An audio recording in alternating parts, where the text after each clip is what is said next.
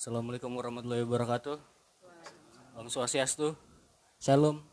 Hoti hoti. Hoti apa apa gue lupa ya. Salam Buddha. Dan salam-salam dari agama lainnya. Tidak mengurangi rasa hormat gue terhadap agama yang gue nggak tahu salamnya. Balik lagi dengan kita podcast bawah sadar. Intisari. Di podcast kali ini gue mau ngomongin kita kita kita kita mau ngomongin suatu hal yang lagi lagi booming kayak lagi hype bis banget ya. Eh nggak tahu juga sih gue cuma gue pengen ngomongin aja sih. Itu soal soal mental health ya atau kesehatan mental. Di sini kita nggak cuma personil podcast do eh, personil bawah sadar intisari tapi kita juga kedatangan bintang tamu di sini. Lu kenapa ketawa gitu sih narasumber narasumber ya narasumber ya kita ber, eh, kedatangan narasumber yaitu ibu Maya siapa namanya Maya Dita ya. sebagai apa May lu di sini May Maya Dita sebagai co-founder dari Kata Jiwa. udah segitu doang perkenalannya Panjang-panjang capek. Eh, kata jiwa kata jiwa itu berhubungan dengan mental health tapi sebelum gua ngomongin kata jiwa gue pengen nanya standar dulu aja lah sih ya mental health itu apa sih gitu loh menurut lo Oke, eh, kesehatan mental. Kalau misalnya kita ngomongin kesehatan mental, ambillah dari WHO. Dari WHO sendiri yang dibilang dengan kesehatan mental itu kondisi kita yang berhubungan sama emosi, terus perilaku, juga interaksi sosial. Kalau misalnya kita ada permasalahan dengan kesehatan mental, itu akan mempengaruhi em, eh, nggak cuma emosi kita, tapi juga cara kita berinteraksi sama orang, sampai decision making kita juga itu akan terpengaruh. gue pengen nanya soal nggak jawab gak pengen nanya. Kok kan kan di sidang gitu ya gitu pertanyaan di gila pertanyaan ya. Eh gue pengen tahu soal lu eh, apa namanya kata jiwa ya. Kata jiwa itu gue pengen tahu soal sejak kapan berdiri terus sejauh ini gimana pekerjaannya. Maksudnya selama pengalaman lu selama menjadi lu bisa eh, lu terjun langsung juga di yang lu temukan itu founder. Oke gue pengen tahu soal sejak kapan terus gimana cara kerja lu latar belakangnya kayak gimana lu berangkat dari mana sih bisa bikin itu gitu. Eh, kata jiwanya sendiri itu awalnya di tahun 2017 lebih tepatnya bulan Oktober. Eh, itu awalnya gue sama temen gue namanya Leoti itu aktif di salah satu organisasi non profit kampus tapi independen terus kayak kita lagi aktif-aktifnya tapi eh, waktu itu tuh lagi nggak ada kegiatan. Terus gue sama dia gabut kan. Ketemu di kafe terus bilang kayak bikin sesuatu yuk. Bikin sesuatu yang kayak gimana? Bikin sesuatu yang bakal menguras energi. Terus kayak oh bikin support group aja gimana? Terus kayak eh, kita ngobrol kan kayak support group tuh gimana? segala macam. Dan yang kita tahu tentang support group itu cu- cuman dari film kayak oke eh, group of people dikumpulin terus abis itu ngobrol-ngobrol-ngobrol. Jadi kita tuh waktu itu cuman tahu sekedar gitu aja. Dari dari tahun 2017 itu udah ngejalanin sekali waktu itu ngangkat tema anxiety.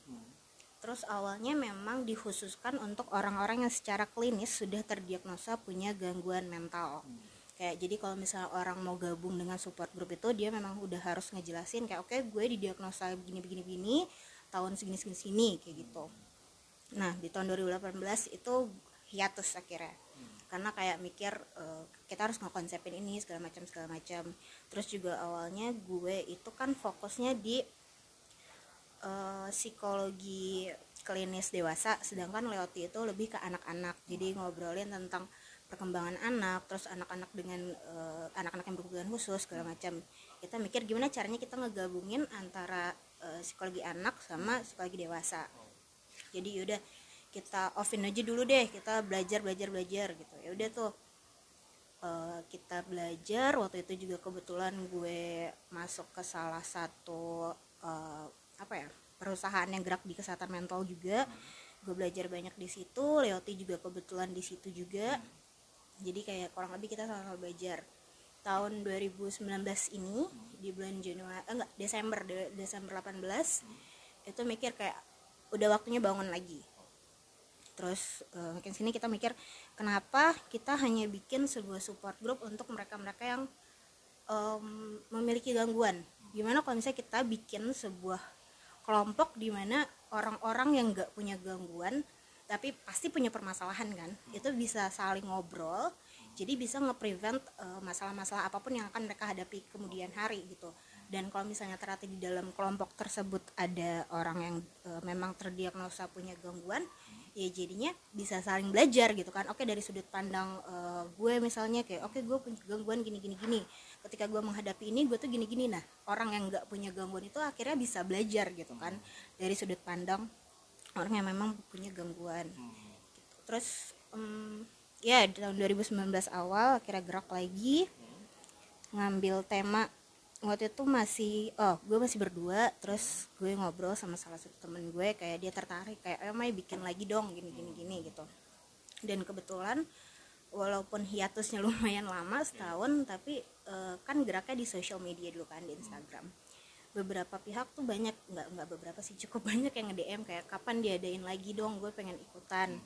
Gue pengen cerita pokoknya banyak orang yang ternyata dari jang, eh, dari sudut pandang gue tuh kayak gue mau cerita gitu. I just want to talk. Gue bukan mau konseling atau gimana gitu. Gue cuma pengen ada orang yang bisa ngedengerin. Terus dari situ eh, gerak lagi bertiga tuh akhirnya. Kita bikin ngangkat tema tentang kekecewaan. Terus ya udah akhirnya jalan deh sampai sekarang. Tadi kan itu lebih fokus ke grup kan. Misalnya pribadi, jadi kan nggak semua orang bisa cerita di depan orang banyak kan.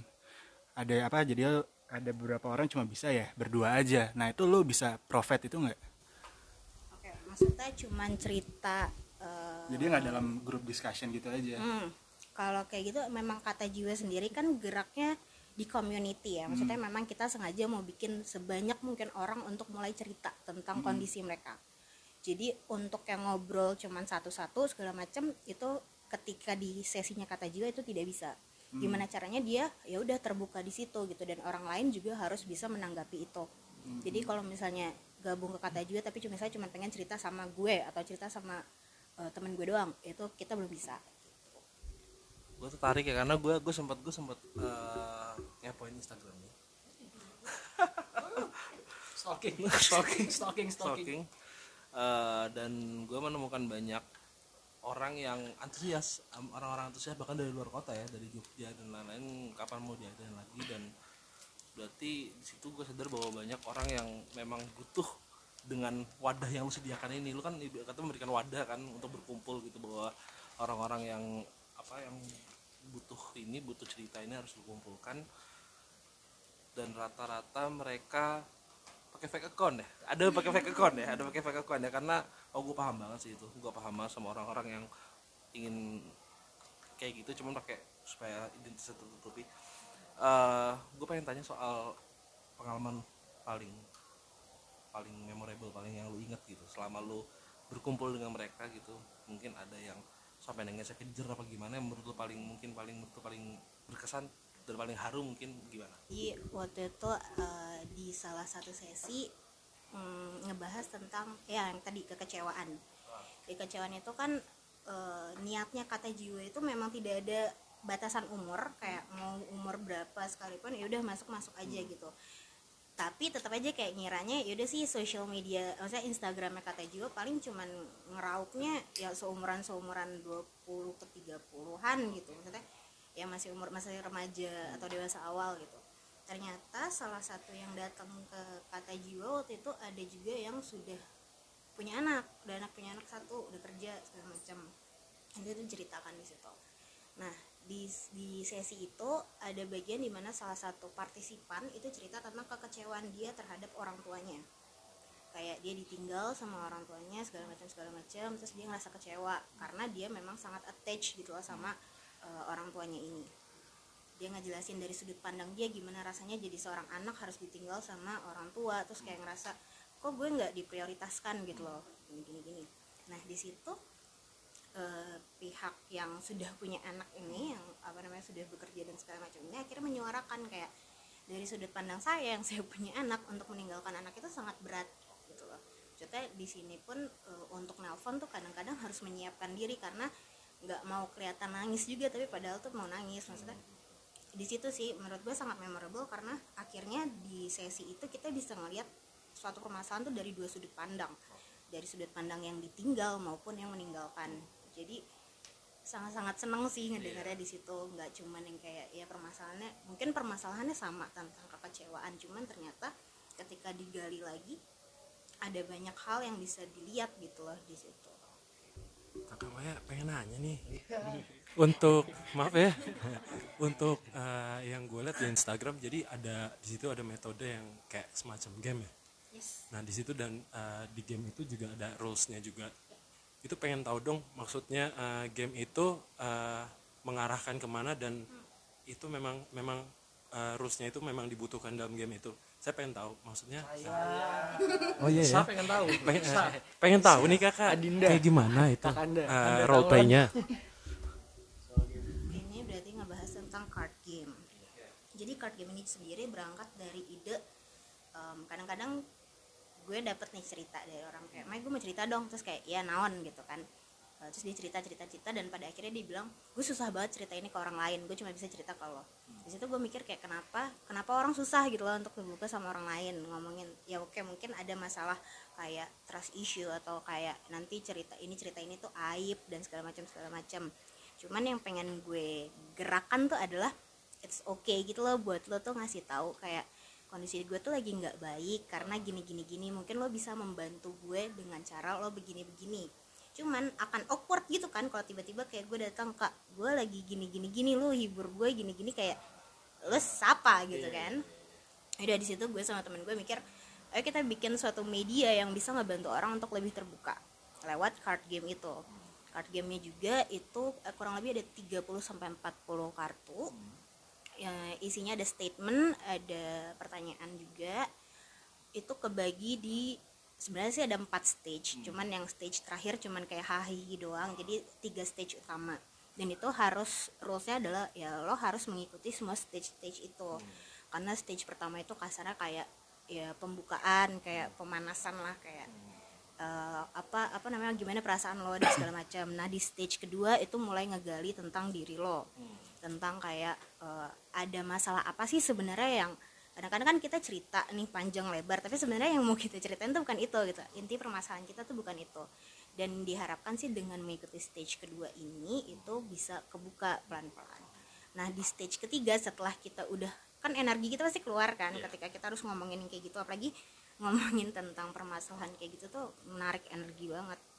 Stage ketiga tuh mulai bikin eh, kita tuh lebih grounding lagi. Kayak ingat sekarang tuh kita punya apa terus kayak kita harus ngapain yang kayak gitu-gitu. Dan ngasih tahu juga ke orang-orang sekitar yang main di game itu untuk nih kalau misalnya contoh contoh pernyataannya ada yang kayak kalau misalnya lo nangis lo mau diperlakukan seperti apa sama orang lain. Itu sebenarnya kayak sepele cuman kadang-kadang itu cukup membantu gitu. Kadang-kadang kan kita mikir kayak udah diemin aja. Padahal mungkin dia maunya ditanya atau mungkin ada yang kita nanya tapi sebenarnya dia mau didiemin berarti berarti emang berangkat dari apa ya? Berangkat dari kegabutan dan ini dan apa dan lu melihat banyak orang yang tidak terbuka kalau tiba-tiba ujuk-ujuk langsung cerita gitu. Aneh ya kan awkward tadi lu bilang. Makanya lu buat card game ini. Eh, ini sebenarnya gue pengen tertarik soal ininya sih. Permainan itu bisa dipakai ketika lu mengadakan sesi atau atau ya kita bisa misal katakan gue beli katakan gue beli nih katakan gue gue punya gitu dan gue bisa pakai sekarang tanpa ada lu. Misalnya itu bisa nggak? Apa harus ada pas ada sesi lu aja gitu dan teman-teman berdua lainnya?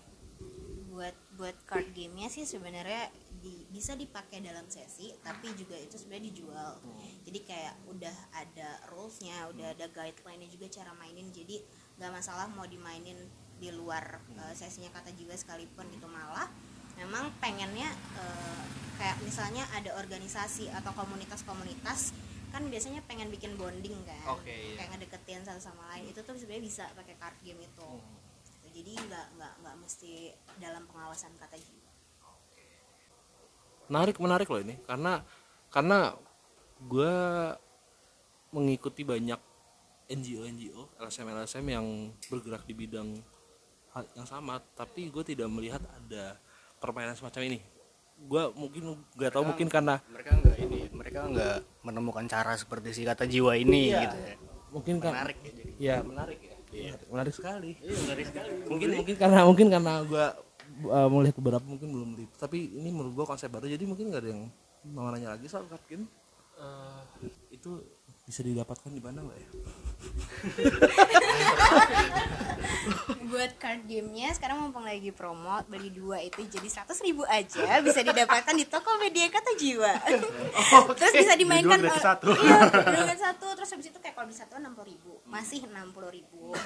Eh, maininnya juga kayak mau berapa banyak orang tuh nggak masalah nggak mungkin sendiri. Nah, berdua nggak apa-apa gitu. berdua nggak apa-apa sendiri. Sendiri nggak mungkin banyak banyak nggak apa-apa.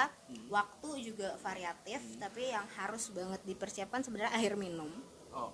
Air minum terus kayak cemilan-cemilan manis. Karena ya di situ kita membuka diri kita. Terus kadang ada beberapa pertanyaan juga yang secara nggak langsung membuat kita harus inget ke kondisi-kondisi yang mungkin kita nggak terlalu suka buat nginget oke. Dan itu kan bikin capek bikin aus gitu kan. Jadi harus ada persiapan seperti itu.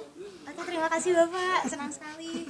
Kali ini nggak ada desainnya karena puasa ya ini disarankan untuk bermain kartu ini disarankan dalam keadaan mabuk nggak ya enggak karena enggak enggak karena kan biasanya kalau mabuk deh Enggak, iya.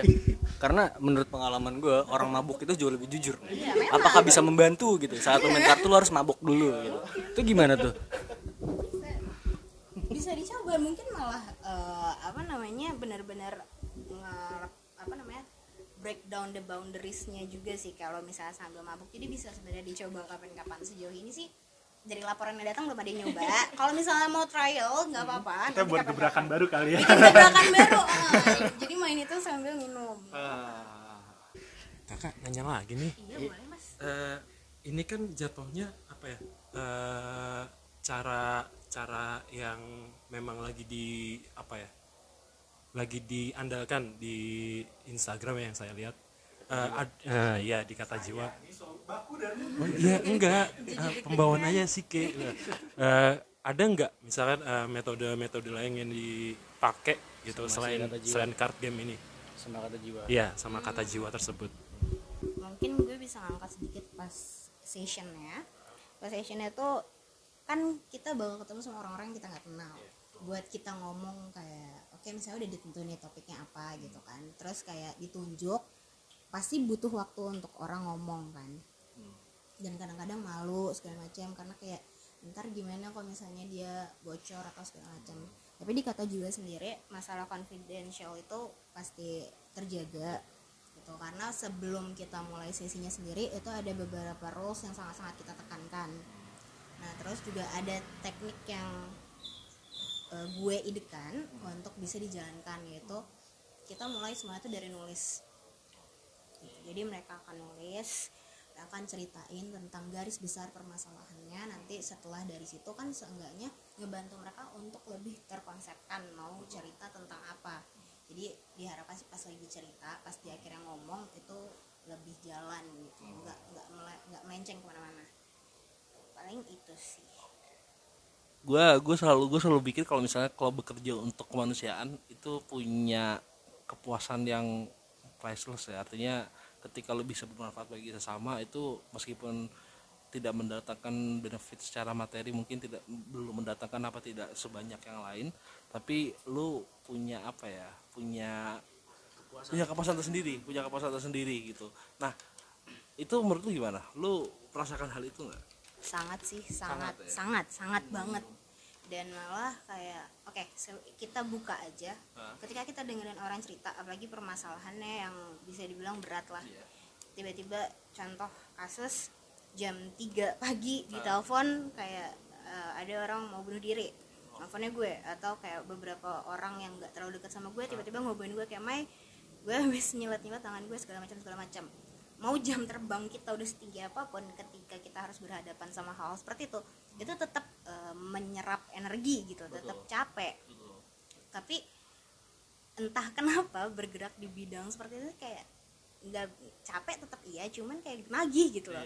Karena ada perasaan kayak wow ternyata gue bisa berguna ya buat orang padahal kayak gue yang petantang peteteng hai hai ternyata bisa walaupun mungkin iya walaupun cuman ngangkat telepon doang atau kayak dengerin orang itu tapi ya kita nggak pernah tahu ternyata kita menyelamatkan hidupnya gitu atau sekedar kayak kita reach out ke orang kayak cuy besok temenin gue yuk. Tapi ternyata beberapa hari kemudian dia baru bilang sebenarnya gue kemarin itu mau bunuh diri Mai gitu. Loh tapi berhubung lo ngajakin gue ketemu akhirnya enggak. Yang yang yang kayak gitu loh menurut gue yang sebenarnya ini ini klise banget cuman duit belum tentu bisa bayar itu ke gue gitu. Loh itu gue suka men tapi gue gue mau nanya simpel aja sih kalau misalkan lu ditelepon sama orang yang mau bunuh diri itu sikap pertama yang lu lakuin itu sebenarnya apa sih? Gue gak gue maksudnya ya gue orang awam gue nggak tahu misalkan Dimas gitu kan telepon Yun gue mau bunuh diri nah yang harus gue lakuin itu seperti apa? Tenang. Tenang. Jangan panik. Jangan ma- meskipun panik jangan panik. Kalau soal ngomong? Ngomong atur. Biasanya di beberapa kasus tuh kita secara nggak sadar menyalahkan perilaku dia. Kayak lo ngapain sih cuy? Bego banget mau gini gini gini gini. Hal itu common banget terjadi bisa sebenarnya di satu sisi mungkin karena kita terlalu perhatian kan sama orang kayak ya gue nggak mau nggak mau kehilangan lo cuman karena eh, misalnya lo misalnya patah hati. Terus kayak ada orang kan yang patah hati terus dia mau bunuh diri. Ya kita nggak bisa menyalahkan dia karena tendensi bunuh diri itu kar- da- dikarenakan terlalu sakit gitu loh beban dia. Ya sih? Kayak kita nggak pernah tahu cara orang bernapas tuh seperti apa. Kalau misalnya napasnya emang pendek-pendek ya kita nggak bisa nyuruh dia kayak lo napas yang panjang yang kuat dong gini-gini. Gitu. Jadi ketika yang apa namanya ada kasus seperti itu selain tenang ya kita harus menekan diri sendiri untuk nggak menceramahi. Karena kayak ya siapa sih orang yang mau lagi ngedown terus malah diceramahin kayak lo inget Tuhan gini gini gini. Ya gue inget Tuhan cuman yang gue butuhkan sekarang bukan itu gitu. Gue butuh ditenangkan berarti agama mempengaruhi dengan kesehatan mental nggak sih sebenarnya? Oh gue pernah tuh cuy pertanyaan itu. Gue pernah tuh ada pertanyaan yang paling nyebelin menurut gue Eh, aduh sebenarnya eh, dari literatur yang ada tidak ada korelasi antara ini kalau misalnya kita ngambil tentang bunuh diri ya tidak ada korelasi antara religiositas atau kepercayaan seorang sama tendensi bunuh diri atau gangguan mental. Karena yang mempengaruhi gang- gangguan mental itu eh, bisa karena permasalahan kehidupan atau peristiwa traumatis bisa juga karena chemical imbalance di otak kita atau bisa juga dari faktor keturunan maksudnya ada riwayat gangguan mental di keluarga kita. Di situ nggak ada tercatat kayak kalau lo nggak sholat atau lo nggak ibadah lo bisa punya gangguan mental. Nggak ada nggak ada penelitian yang menyatakan seperti itu. Tuh sebenarnya hmm, kepercayaan kita sama Tuhan itu bisa jadi coping strategi. Maksudnya kayak ketika kita dalam masalah kita kan harus bisa berpikir bukan berpikir positif yang kayak hidup gue pasti baik-baik aja. Bukan cuman lebih kayak ada sesuatu yang kita grip gitu lah. Ada sesuatu yang kita looking forward di ke depannya. Dan agama itu sebenarnya bisa dijadikan hal-hal seperti itu. Kayak oke ada Tuhan ada yang menemenin gue segala macam kayak gitu. Tapi untuk penyembuh gue rasa Tuhan sendiri menciptakan orang-orang profesional di sekitar kita ya untuk perpanjangan tangan dari dia gitu kan? Gitu. Jadi ya tetap aja kalau misalnya lo memang punya gangguan mental lo merasa kondisi lo tidak baik bukan sholat tapi seek help gitu loh. Cari pertolongan profesional karena ya, ya gimana sih Tuhan udah menciptakan manusia dengan kepintarannya masa nggak dipakai? Berarti kayak eh, lo ini sebagai bentar ini ada sedikit gangguan. Bentar. Berarti eh, kayak misalkan lo lo sholat atau lo gimana kalau gue sih ya nangkepnya ya kalau gue nangkepnya kayak kalau untuk curhat sih masih oke lah masih fine lah Ya. gitu loh. Untuk curhat lo curhat ke Tuhan gitu lo selesai sholat atau lo selesai beribadah di gereja dan di mana pun gitu lo curhat. Cuman kalau misalkan emang lo butuh lebih dari itu lo harus cari orang lebih profesional gitu kan. Karena dia termasuk bisa dibilang tadi bener sih kata lo perpanjangan perpanjangan tangan Tuhan lah buat nolong lo gitu loh. Nggak bisa sepenuhnya lo kayak cuma sholat dan curhat aja gitu kan ada yang mau nanya lagi teman-teman jangan diem aja dong Di tim lu tuh ada yang profesional gitu nggak sih dalam mengatasi hal kayak gini? Mungkin dia psikolog atau apa? Oke. Kalau misalnya di kata jiwa sendiri, itu ada sih yang sudah em, lulus udah S2 sekalipun segala macam. Cuman belum bisa dibilang dia profesional. Be- kalau misalnya memang terjadi maksudnya gue sendiri kan menangani para fasilitator. Fasilitator tuh yang ngurusin sharing sessionnya. Ya kalau maksudnya ketika mereka jadi fasilitator mereka akan menerima energi-energi dari lima orang yang berbeda. Karena dalam satu kelompok itu bisa 5 sampai 6 capek kan Bo? Kayak satu orang aja udah capek gitu. Ini harus 5 sampai 6 Eh, dan kalau misalnya mereka kenapa-napa itu sebenarnya lebih ke gue yang turun tangan kak. Jadi gue yang kurang Gak usah manggil kak juga oh sih. iya iya. Gue yang ngurusin gitu. ketahuan umur. Dong gue gue ngurusin. Tapi memang di eh, memang sudah ada plan sih ke depannya. Gue akan tap in dengan beberapa psikolog yang gue kenal untuk eh, bantu-bantu di kata jiwa sendiri.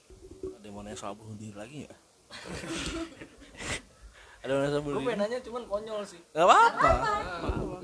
Apakah orang apakah orang-orang yang suka berpakaian hitam itu bisa diidentifikasikan sebagai orang yang punya kesehatan kesehatan mental gitu? Gangguan kesehatan mental itu ngaruh nggak sih sebenarnya? Sebel banget ditanya Iya, ada orang-orang yang suka pakai baju-baju warna hitam terus tengkorak-tengkorak eh, metal gotik-gotik gitu kan terus kerjanya imo-imo gitu terus murung gitu di kelas gitu diem aja terus suka nyeret-nyeret silet dengerin lagunya tuh lagu-lagu yang Hail Satan gitu, gitu. itu bisa diidentifikasikan dia tuh orang yang mempunyai gangguan kesehatan mental? Untuk bilang atau mengidentifikasi dia punya gangguan serius dan segala macam itu bukan ranahnya gue. Karena gue belum kompeten di situ. Tapi kalau misalnya dia memang kita dilihat gitu loh apakah dia bisa bersosialisasi dengan baik? Terus apakah tadi misalnya dia nyoret nyoret tangannya segala macam segala macam maksudnya itu ada tendensi bisa ke sana kan? Maksudnya dia bisa aja nanti one day mungkin cutting atau segala macam dan berarti mau dia bilang atau enggak dia punya gangguan kesehatan mental ya hak bukan hak kita sih cuman kayak kalau bisa ya udah kita yang reach out ke dia. Kita tanya kayak lo kenapa? Kenapa lo kenapa lo kayak gitu? gitu tapi kalau memang dia pakai baju hitam terus kayak tatoan gitu terus kayak piercing dan segala macam ya belum tentu dia kenapa-napa gitu ya karena gue pakai baju hitam sama sama kok gue juga ini tumbennya putih Iya, tumben aja lagi putih kan. Ada yang bertanya lagi nggak? Oh, Dimas. jadi kan nggak semua orang tahu kalau kesehatan jiwa dia tuh baik gimana cara mengidentifikasikan kalau dia ini sakit jiwa atau enggak dia ini sehat? Gimana? Masing-masing ini. oh ya gangguan iya gangguan jiwa. Ya pokoknya itulah. Gimana dari kita yang sendiri? Sedang tidak sehat lah nah itu gimana? Sebenarnya balik lagi sih kayak pengertian kesehatan mental tadi. Kalau misalnya lo mulai merasakan eh, lo nggak bisa berinteraksi dengan baik sama orang lain maksudnya yang tadinya lo bisa nyantai ngobrol terus tiba-tiba kayak aduh gue nggak mau deh ngobrol sama dia. Maksudnya kayak gue nggak mau eh, ke masyarakat dan segala macam itu berarti permasalahan.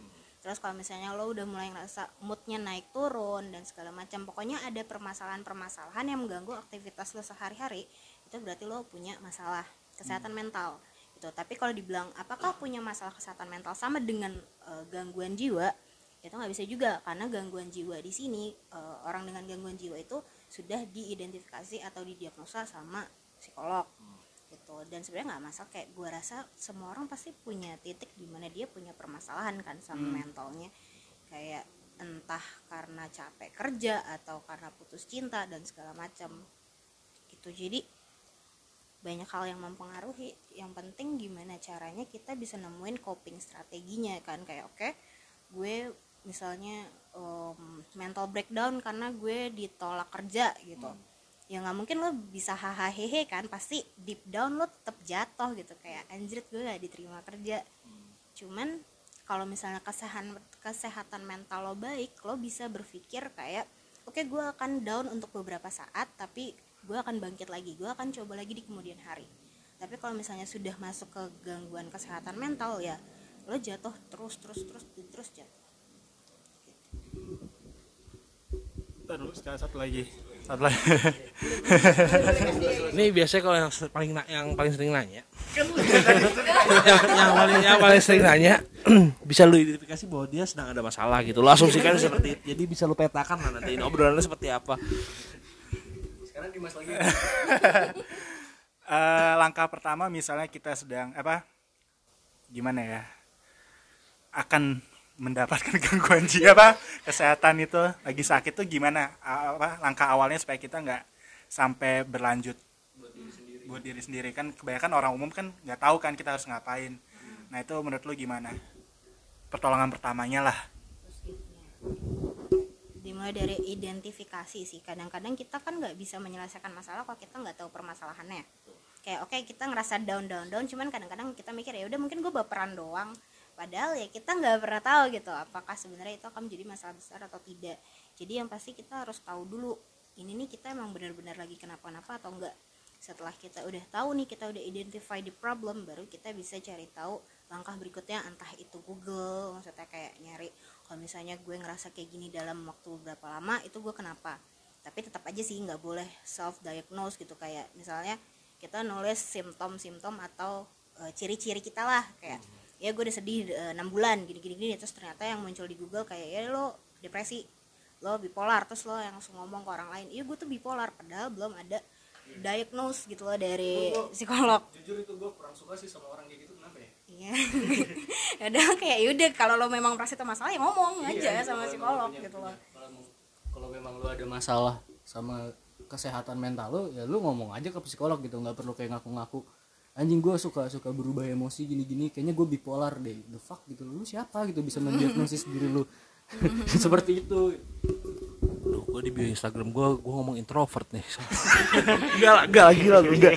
enggak, enggak, enggak lah. Nah, eh, lu udah selesai belum? Gue silakan. Udah, iya. Tapi kurang lebih itu setelah lo setelah lo udah google google pasti kan di situ juga banyak em, penanganan lah yang bisa lo cari di situ. Sama mungkin lo bisa coba ngobrol sama orang. Karena ngomong aja kayak ya sebenarnya tuh gue udah ngerasa sedih gue udah ngerasa gini-gini tuh dari beberapa lama. Karena kita nggak pernah tahu eh, resource yang orang lain punya itu apa aja. Bisa aja lo misalnya lo ngobrol sama gue ya mas sebenarnya gue tuh udah gini gini gini gini. Terus ternyata gue punya link ke psikolog atau misalnya gue sendiri punya kemampuan yang cukup untuk ngobrol sama lo. Kan kita nggak pernah tahu gitu. Jadi communicate with others itu menurut gue sangat-sangat membantu ketika lo ada permasalahan di kesehatan mental lo sendiri. Nanya lagi boleh ya? Ya Dimas nanya lagi. Nggak gue gue ini penasaran aja sih. Gue Iya sih, eh, penasaran. penasaran aja. Sama orang yang eh, dia ini nggak bisa cerita ke siapa-siapa gimana caranya supaya orang itu mau cerita dari dia eh, gimana cara break the wallnya gitu break the wallnya supaya dia bisa cerita kalau enggak kan dia pasti de- apa mendem sendiri kan nah itu break the wallnya supaya dari diri kita sendiri itu gimana sih ada saran mungkin Makanya beli kartunya. kan nggak bisa main sendiri oke Eh, gimana cara bikin orang lain untuk bisa terbuka gitu Ya, ke kita- kita kan? sendiri terbuka. Mm-mm. Eh, sebenarnya sih simple kita nggak bisa kita nggak bisa nolong orang yang tidak mau menolong dirinya sendiri atau nggak mau ditolong. Kalau misalnya menurut dia kayak gue masih bisa handle ini ya kita nggak bisa maksa dia untuk cerita gitu loh. Tapi kita bisa setidaknya ngasih pesan kecil kalau misalnya lo kenapa-napa lo butuh bantuan segala macam gue ada. Tapi sebelumnya juga kita udah harus bisa mengidentify diri kita sendiri dan memastikan lo cukup kuat nggak untuk ngehadepin apa pun yang nanti akan dia ceritain oh, iya. karena kadang-kadang beberapa kasus kayak kita encourage orang untuk cerita tapi ketika orang itu cerita kita nggak kuat. Terus kita cabut. Dan itu akhirnya membuat trust issue lagi di dia. Kayak anjing gue udah capek-capek cerita lu cabut. Gitu. Jadi kayak kita juga harus mikirin diri kita sendiri ketika orang lain tuh cerita sama kita. Tuh menjawab nggak? Ya, ya. Sekali lagi, sekali satu lagi, satu lagi. Tips menj- menjadi pendengar yang baik itu gimana sih? tips menjadi pendengar yang baik Karena kan dengar itu nggak gampang. Yang kayak tadi Iya. lu bilang kan lu harus bisa apa ya? Berkomitmen Menahan- sama diri lu sendiri supaya menahan ego lu. iya menahan ego benar-benar. masalah orang lain itu bukan masalah lo untuk lo selesaikan. Ja- men- jangan karena orang lain cerita sama lo terus lo langsung merasa eh, wajib untuk menyelesaikan masalah dia karena gimana pun juga mm, banyak orang yang cerita itu hanya untuk didengar bukan untuk ditolong. Kalaupun misalnya mereka butuh pertolongan ya minta mereka ngomong gitu kayak atau kita nanya oke oke what can I do to help? Eh, lo mau gue kayak gimana? Kayak gitu. Jadi kalau misalnya memang dia tidak mau ditolong dia hanya mau didengarkan saja ya udah kita ikutin eh, maunya dia gitu. Dan yang paling yang paling harus dihindari yaitu sih ngerasa kalau misalnya orang lain cerita permasalahan dia terus kita kayak pusing sendiri gitu. Padahal tetap aja eh, penyelesaian masalah itu ada di dia. Kita bisa kita hanya bisa mm, apa ya mm, apa sih menga, bukan meng, ya mengarahkan atau membimbing dia lah untuk mempertimbangkan langkah-langkah selanjutnya yang bisa diambil tuh apa. Mau ntar dulu dipikir. Oh iya iya iya, iya. soalnya soalnya gue kalau misalnya cerita sama orang rata-rata nggak mau ini masalah masalah gue masalah keuangan. Jadi kadang teman-teman gue suka hilang gitu kan. Gue gue mau cerita. Iya gue mau cerita. Aduh masalah keuangan nih. Kayak makanya masalah itu. Gimana pak? Ya gue lebih kayak ngejelasin ini eh bukan ngejelasin sih. Eh, pengen tahu gitu loh. Kalau Dimas kan lebih ke narasumbernya bukan ente. Iya iya iya. Kalau Dimas eh, maksudnya kayak lebih ke ini kan eh, ke temennya ke temennya. Kalau gue pengen nanya kalau misalnya seandainya gue memposisikan sebagai orang yang mempunyai masalah tapi dia itu lebih memilih untuk eh, menghindar dari eh, sosialnya dia? Dikarenakan entah dia eh, bisa merasa eh, merasa bisa menyelesaikan itulah segala macam. Sampai yang dia harus ngejauhin eh, dirinya dia ke dari sosial karena dia nggak enak untuk eh, cerita ataupun untuk eh, apa ya membuka dirinya dia untuk ya udah ngasih tahu cerita segala macam masalahnya dia itu.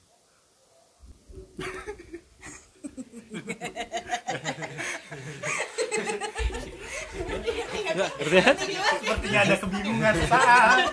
enggak si anjing masalahnya gini. Misalnya gue memposisikan diri gitu. Ya sih emang bukan lu. Ini pertanyaan emang bukan lu. Memposisikan diri aja. Emang lu gak ada masalah. sih Nggak, lu lu udah nangkep belum? Udah nangkep udah nangkep. Kayak gimana kalau misalnya kalau misalnya orang ini dia menjauhkan diri karena memang dia yakin dia bisa untuk nyelesain masalah. Tuh sebenarnya basicnya kan kita itu makhluk sosial. Kita butuh interaksi sosial sama orang lain. Cuman mungkin untuk kita bisa terbuka ngomongin permasalahan kita kita butuh orang-orang yang satu frekuensi kan sama kita. Kita butuh orang-orang yang memang bisa ngerti lah maunya kita tuh apa dan kita nggak bisa maksain kan kalau misalnya kalau misalnya memang tuh orang bisa ya udah silakan gitu. Cuman tetap aja sih menurut gua masalah lo masalahnya di sini lo punya masalah lo cerita sama orang ya mungkin memang masalah lo nggak tiba-tiba selesai nggak tiba-tiba kelar. Cuman lo bisa merasakan kalau misalnya beban lo tuh akhirnya hilang sedikit-sedikit gitu loh. Karena ketika lo sendiri lo nyendiri lo jauh dari lingkungan sosial lo segala macem lo ngadepin masalah tuh benar-benar sendiri rasanya. Nggak ada support system. Sedangkan tuh yang kita butuhkan tuh sebenarnya support system. Gimana caranya ketika kita jatuh tetap ada orang-orang yang kayak Mama itu tuh di depan tuh finish line-nya gitu lo tuh tinggal bangun dikit lagi. Itu gitu loh. Jadi gue rasa kalaupun misalnya lo yakin lo bisa nyelesain masalah sendiri nggak ada salahnya juga kok kalau misalnya lo cerita gitu loh.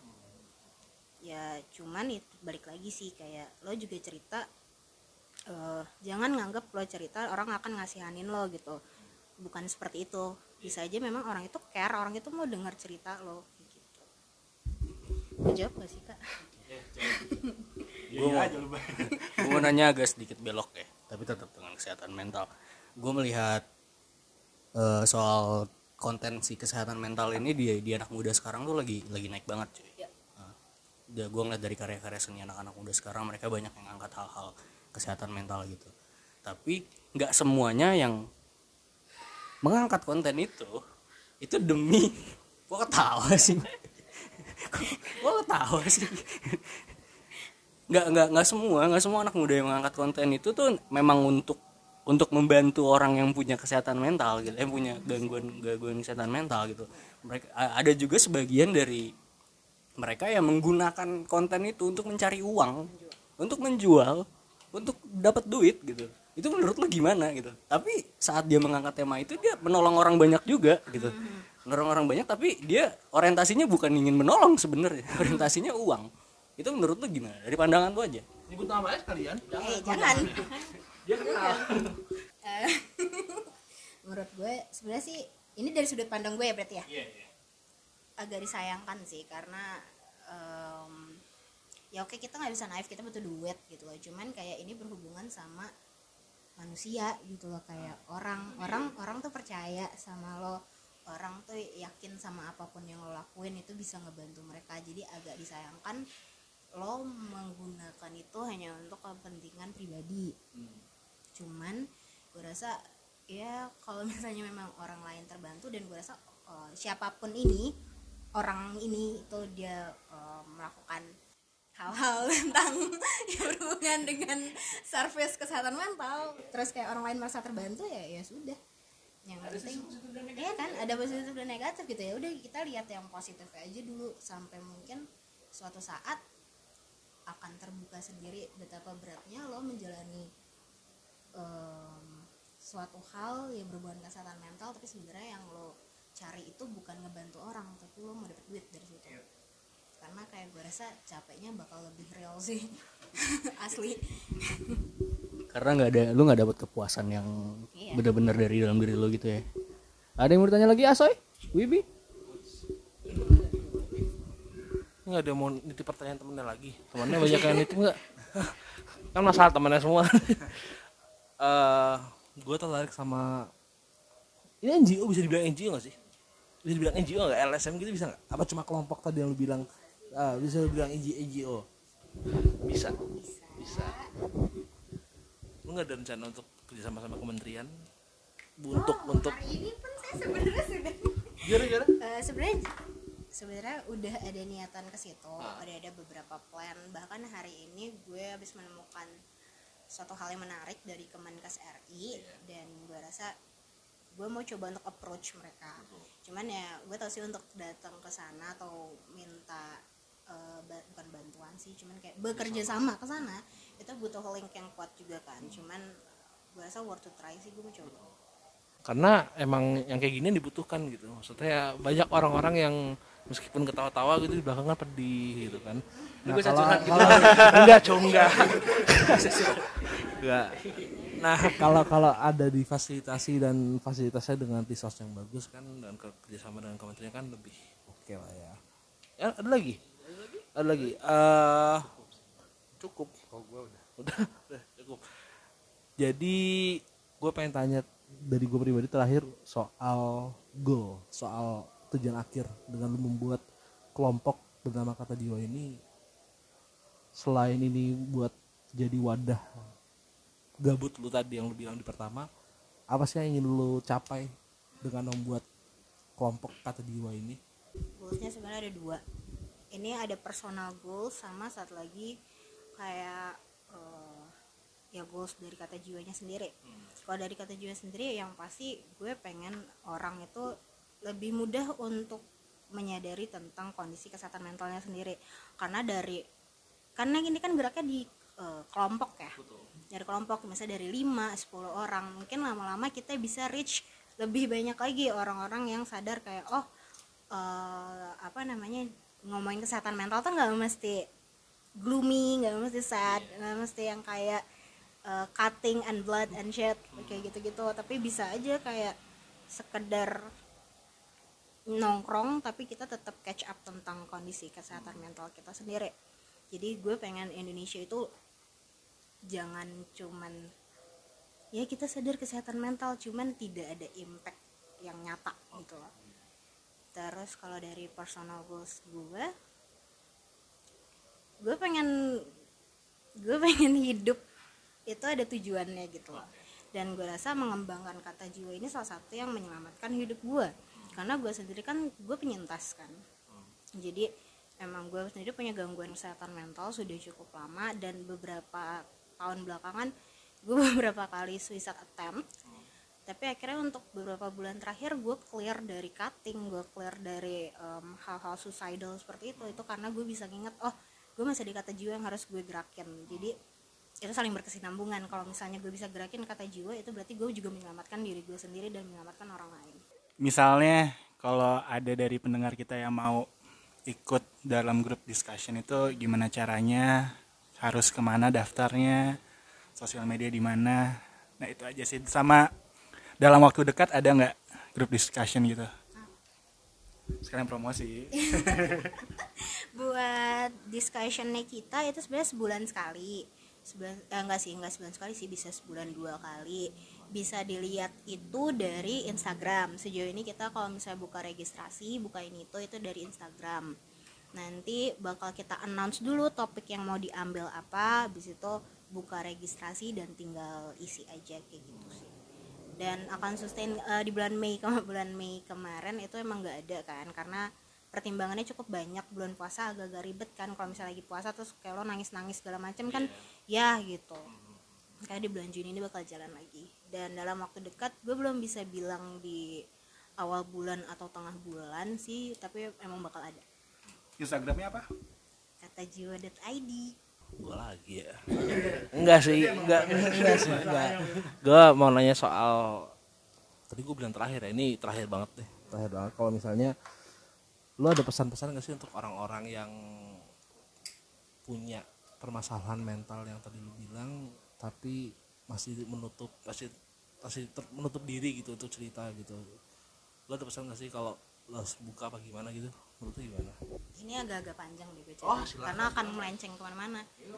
Em, ketika punya gangguan serius gangguan mental serius itu wajar banget lo ngerasa terisolasi ngerasa sendiri ngerasa kayak nggak ada orang yang ngertiin lo.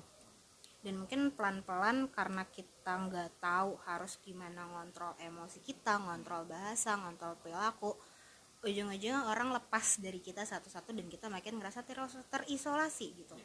Makanya sebenarnya lewat kata jiwa ini sendiri gue pengen menyuarakan kalau misalnya nggak semua orang itu akan ninggalin lo gitu loh. Mungkin semua orang tuh temporer eh, ada waktunya memang orang harus pergi gitu. Cuman bukan berarti lo sendirian dalam kehidupan ini. Kita nggak pernah tahu eh, apa namanya ketika kita masuk ke kelompok ini kita bisa cerita kita nyambung ternyata yang ditolong tuh gak cuman kita gitu loh. Bisa aja dengan kita cerita permasalahan kita orang akhirnya ngerasa kayak anjir gue nggak sendirian ternyata. Dan gitu sih. Intinya gue mau ngasih tahu ke kalian kalau ketika lo ngerasa sendiri eh, dengan lo cerita itu lo sebenarnya nggak cuma nyelamatin diri lo sendiri.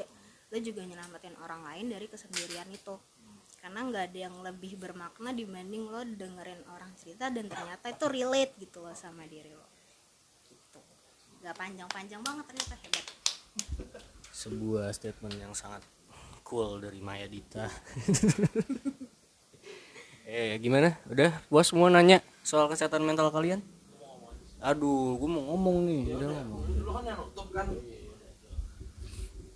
jadi mungkin kalau lu butuh teman cerita mungkin bisa ngubungin gua pribadi. Oh enggak ya? Nggak salah. Enggak gitu ya enggak gitu ya. Instagram. Instagram enggak lah. Jadi ya gak tadi buat bicara doang sih buat tutup doang.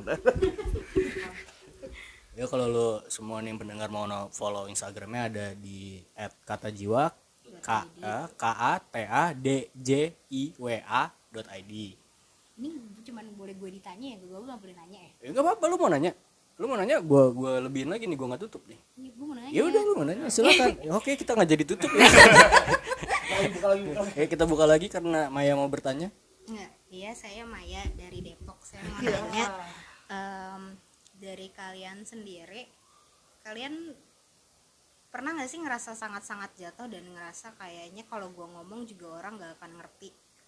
Pernah nggak ngerasa kayak gitu? Kalau iya, em, bisa ceritain dikit gak kenapa? Terus abis itu akhirnya kalian bisa bangkit tuh gimana? nanya nanya tuh tadi nanya tuh silakan cerita lu silakan eh, silakan ngomong. Ya udah. Apa sih. Ini paling banyak masalah nih. tidak masoy ya pernah ya. Termasuk gua eh, ngikut eh, sama bawah sadar intisari ini punya kadang gua ngerasain ada apa ya penggalan kata yang hilang dari mulut gua sih. Lebih tepatnya.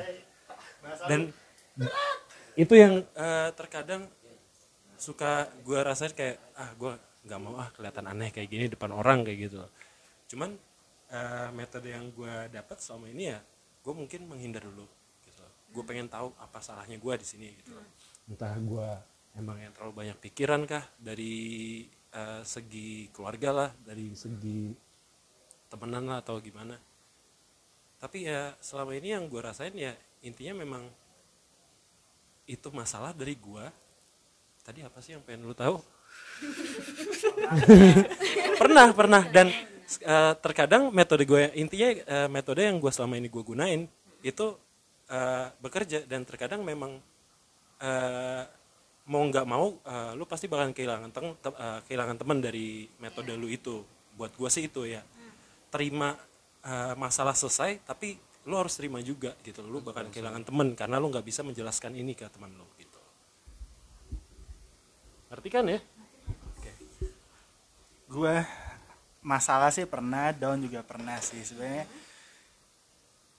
Adalah pas kuliah sih. Ya masa-masa kuliah lah standar lu udah mau di DO atau gimana itu standar sih. Tapi ya cara gue mengatasinya adalah balik lagi ke diri gue berarti di dalam diri gue ini ada yang salah. Kenapa gue nggak bisa ngikutin orang lain? Dan kayak gitu. Jadi balik lagi ke diri gue aja sih intro- introspeksi ke diri sendiri aja dulu. Kalau emang nggak bisa ya baru tanya ke orang atau gimana. Sejauh ini sih gue masih yakin sama diri gue belum nyampein titik ada di bawah kayak gitu sih. Alhamdulillahnya ada satu yang pura-pura ngambil minum ya, supaya nggak ngomong duluan ya. pura-pura pura-pura ngambil minum pura-pura kencing. Pernah nggak gue di posisi down banget? Dalam hidup? Ya pernah cuy manusia pasti pernah posisi down banget. Dulu gue pernah ya, orang tua gue meninggal dua-duanya. Gue ngerasa di dunia ini gue sendirian. Nggak ada yang nolongin gue nggak ada yang bisa nemenin gue. Nggak ada nggak ada orang yang ada yang datang nih siapa? Nggak ada. Pokoknya gue ngerasa gue ngerasa sendiri di situ gue ngerasa kesepian. Sampai-sampai dulu gue nggak tahu ya gue gue larinya malah ke hal-hal yang dulu orang dulu sih sampai sekarang sih orang orang banyak tuh itu hal negatif itu gue bergumul dengan setan dulu gue gue suka banget sama setan-setan sampai gue gambar pentagram di kamar itu gede segede gaban. Dan setiap gue abis cabut ke mana saat gue masuk kamar gue menyembah doi itu gue dulu sempet di momen itu gue nyembah doi terus gue suka suka searching searching gimana caranya manggil setan dan gue lakuin itu. Gue lakuin eh, salah satu contohnya main jalangkung gue pernah main jalangkung sendirian di kamar. Gue pernah nyisir jam 3 pagi di depan kaca yang gede supaya ada katanya bisa setan datang dan segala macem dan akhirnya gue ngerasa kayak men gue melakukan hal itu. Mungkin karena gue butuh temen kali ya. Gue butuh temen gue butuh sosok yang ya yang buat berinteraksi sampai gue sampai gue mikir kayak mungkin manusia nggak bisa kali buat berinteraksi sama gue akhirnya gue nyari buat setan kali ini bisa interaksi sama gue gitu loh. Terus kayak makin lama makin tua makin tua makin sadar akhirnya gue kegampar sama realita. Lu nyari duit bego gitu dan main setan. Realita terbaik. Iya realita memang terbaik sih menurut gue kayak meskipun sangat jahat tapi ya anjing sih. Jadi ya, akhirnya gue keluar dari dari zona itu dan sekarang ya gue balik ke realitas gitu. Ya, mungkin ada satu lagi nih yang pura-pura bohong eh, pura-pura cabut tadi. Kalau harusnya cerita-cerita kayak gitu segmen terakhir nih karena karena cerita karena enggak maksudnya karena cerita gue ini akan terdengar sangat remeh-temeh. Dibanding cerita cerita tidak ada yang remeh-remeh. Oh, enggak ada remeh-temeh enggak. Iya betul betul. Oh iya. Kalau salah sebelumnya ya, pernah nyembah setan kalau salah kayak gini. Tidak tengah remeh-temeh cuma timpang aja. Eh, tadi pertanyaannya apa? Pertanyaannya adalah gue pernah masa merak pas lagi jatuh banget bisa ceritakan sedikit terus bangkitnya gimana? Masalah masalah gue mungkin adalah diterjang dengan masalah banyak dalam satu waktu sih. Itu yang bikin gue mungkin pernah pernah waktu kuliah atau sempat sempat down juga gara-gara kayak datangnya gitu semuanya satu satu waktu gitu dalam, dalam waktu kurang dari tiga hari gitu datang semua deg, deg, deg, deg, ya itu bikin gua down ya bikin selesai ya bikinnya cara gue menyembuhkan diri adalah pulang sih. Karena gue pas itu domisili gue kuliah gue bukan di Jakarta gue di luar kota. Eh, cara menyembuhkan diri gue adalah pulang. Mungkin terdengar sangat bias sangat bullshit ya sangat bullshit. Karena mungkin di rumah tidak menawarkan apa-apa. Toh gue sendiri juga di rumah. Artinya gue anak tunggal gue tidak terlalu dekat dengan orang tua gue ya gue terdengar klise aja cuman nggak tahu kenapa sembuh sih Gue iya. Iya gue mendapatkan pemulihan di rumah. Eh gue ya udah gue diem aja. Akhirnya dengan waktu yang berlalu akhirnya selesai juga. Itu sih mungkin. Oh, enggak. Maksudnya feedback ya makanya ini gue mau nanya ah, setelah setelah mendengar cerita dari kita berempat gini ada tanggapan dari lu nggak Maya atau apalah statement apalah masalah kita tuh receh gitu. Kok masalahnya berat. masalahnya enggak Ma- Maya dari mukanya berharap kayak ah masalahnya berat-berat nih kayaknya orang enggak, nih. enggak, ternyata enggak, masalahnya anjing sampah cuy. Receh masalah kalian receh Ini sih gue tadi pengen nanya ke kak kak kakinya kepanggil nggak setannya Kepanggil? oh kepanggil. Ya, terus kepanggil. serem nggak? Yang gue nyisir jam 3 pagi. Anjir. Nah, itu kacanya gede banget kan terus gue nyisir jam 3 pagi. Tiba-tiba kayak ada kayak ya nggak tahu sih itu imajinasi gue halu gue karena ya gue juga ya itulah pokoknya. Gue nyisir terus kayak di belakang tuh kayak ada putih gede banget. Oke. Yang putih terus rambutnya panjang banget gitu. Terus tiba-tiba kayak rambut apa rambutnya kayak digituin gitu sama dia. Diginiin gitu. Senyum.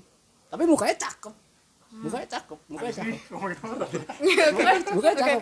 udah habis itu gue kayak anjing berhasil men berhasil berhasil berhasil setelah berhasil kira gue ya itu lagi lah. Pokoknya lu nggak perlu tahu itunya apalah. Iya iya iya. Gue ini lagi. Aha. nah, ya udah. Nah, kan yang lo cari adalah yang lo cari adalah sebenarnya interaksi kan?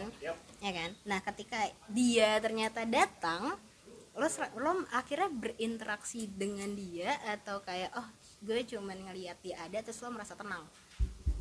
gue nggak cukup dengan melihat melihat dia doang sebenarnya. Saat itu mereka ah, dia itu langsung cabut. Sosok itu langsung cabut hilang begitu aja. Tapi gue pernah ada satu momen gue dengerin lagu ada lagu dari band luar negeri sana. Judulnya Hollow Hills. Dan gue putar ulang-ulang terus. Sampai gue tidur. Saat itu gue tidur gue mimpi gue ketemu pocong. Ketemu pocong tapi lehernya patah. Takut. akhirnya gue ngobrol sama doi. Itu gue ngobrol sama doi. Gue gue cer gue cerita sama doi. Gue ngobrol apa pun yang gue ngerasa berat di hati gitu gue cerita ke dia. Dia cuma senyum. Senyum ketawa terus tiba-tiba ya gue bangun. Gue bangun tapi gue keringetan. Itu gue nggak tahu kenapa. Tapi setelah itu ya gue down lagi pas pas gue bangun tidur ya gue down lagi. Dan gue cari-cari lagi siapa yang mau berinteraksi sama gue dan segala macam. Tapi gue cukup dapat garis wah, gue juga dapat garis besar sih. Oke, mungkin kakinya akhirnya mendapatkan kepuasan interaksi dari makhluk astral. Secara nggak langsung itu sebenarnya menggantikan support system yang lo butuhkan. Ya kan? Terus kayak Kak Dimas misalnya kayak eh, skripsi terus masalah kuliah segala macam tapi masalah kuliah itu dia tingkat bunuh diri karena permasalahan kuliah itu cukup tinggi di Indonesia jadi kayak lo hebat sih lo bisa melalui itu kayak harus dibahas di part kedua deh. Kayak ini seru ini. tadi gue habis baca artikel tentang itu soalnya di Tirta tentang eh, gimana skripsi itu menjadi Selamat pagi, selamat siang, selamat sore, selamat malam semuanya para sobirin sobirin. Balik lagi sama kita Bahasa dari Intisari. Hari ini kita kedatangan teman kita yang jauh-jauh dari Jogja lagi pulang ke Jakarta yaitu Fikra. Halo Fik, apa kabar Fik? Assalamualaikum. Waalaikumsalam. Nora dia baru Eh, gue Fikra ya. Ya udah. Nora dia baru lihat Mike soalnya. jadi Ini lu beli berapaan sih ini? Ini bagus bener ini anjing.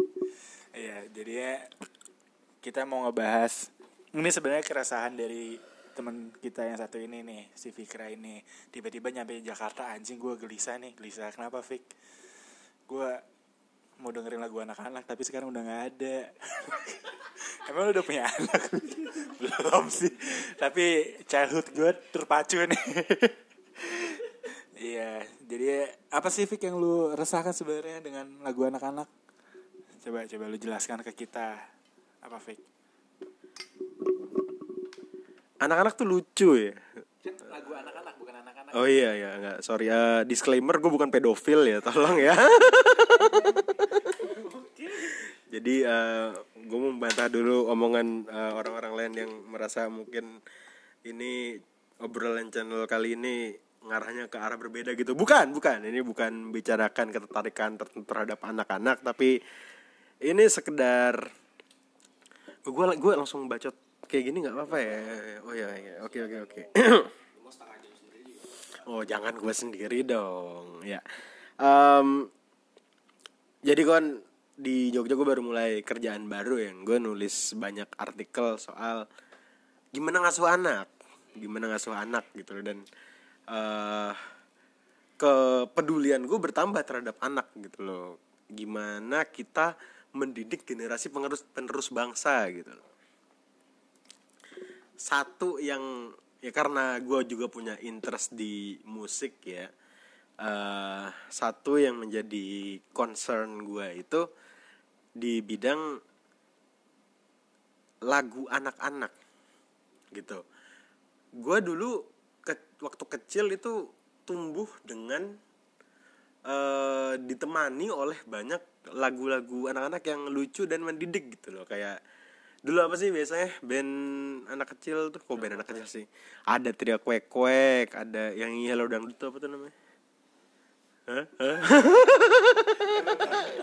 Pokoknya kayak lagu-lagu ciptaan Pak Kasur Bu Kasur. Ah, Pak Kasur Bu Kasur, Pak Ranjang dan Pak Dipan dan yang lainnya. Anjing gua ngomong apa sih tai. Eh pokoknya banyak lah Papa Tebo, Papa Tebo, Papa Tebo, ada Joshua, ada Tasya, ada Serina, Bondan, Bondan, lumba lumba. Itu itu kan lagunya ya. Anjing, suara gua merdu. Para pendengar wajib tahu. Eh, gue kira kita boleh ketawa. Eh jadi mungkin apa ya? Gue mungkin tanya teman-teman di sini dulu. Di sini ada ada lu belum mengenalin anak-anak. Harus kenalin dulu. Oh iya, iya. ya semuanya udah tahu pada tahu lah di sini cuma ada gua Kinyun oh, gue Dimas Kinyun sama Abai teman kita yang satunya lagi lagi merantau nggak tahu kapan baliknya shout out to Bibi apa kabar Wib lu nggak kangen sama kita di sini Wib udah udah nih lanjut lagi Fik lu mau nanya apa Fik Eh, jadi gue denger Wibi tuh nikah katanya di di sana di Mojokerto. Oh enggak. dia cuma pindah memang harus pindah aja Isunya ngambil anak orang katanya dia. lu lambe tura juga anjing. Dia Wibi sebenarnya ke Purwokerto yang dia sedang menuntut eh, men- ya, menuntut ilmu. Mojokerto lu man Wow, Purwokerto apa? Mojokerto Purwokerto. Mojokerto. Mojokerto. Iya, Mojokerto. Menuntut ilmu hitam. Oh, menurut ilmu hitam. Oh, wajar sih emang. Dia kayak butuh kesaktian lebih gitu. Eh, meskipun gitu, gue sayang sama Wibi. I love you, Wib. We miss you. Muah. Kembali ke konteks lagi. Kembali ke konteks. Apa konteksnya?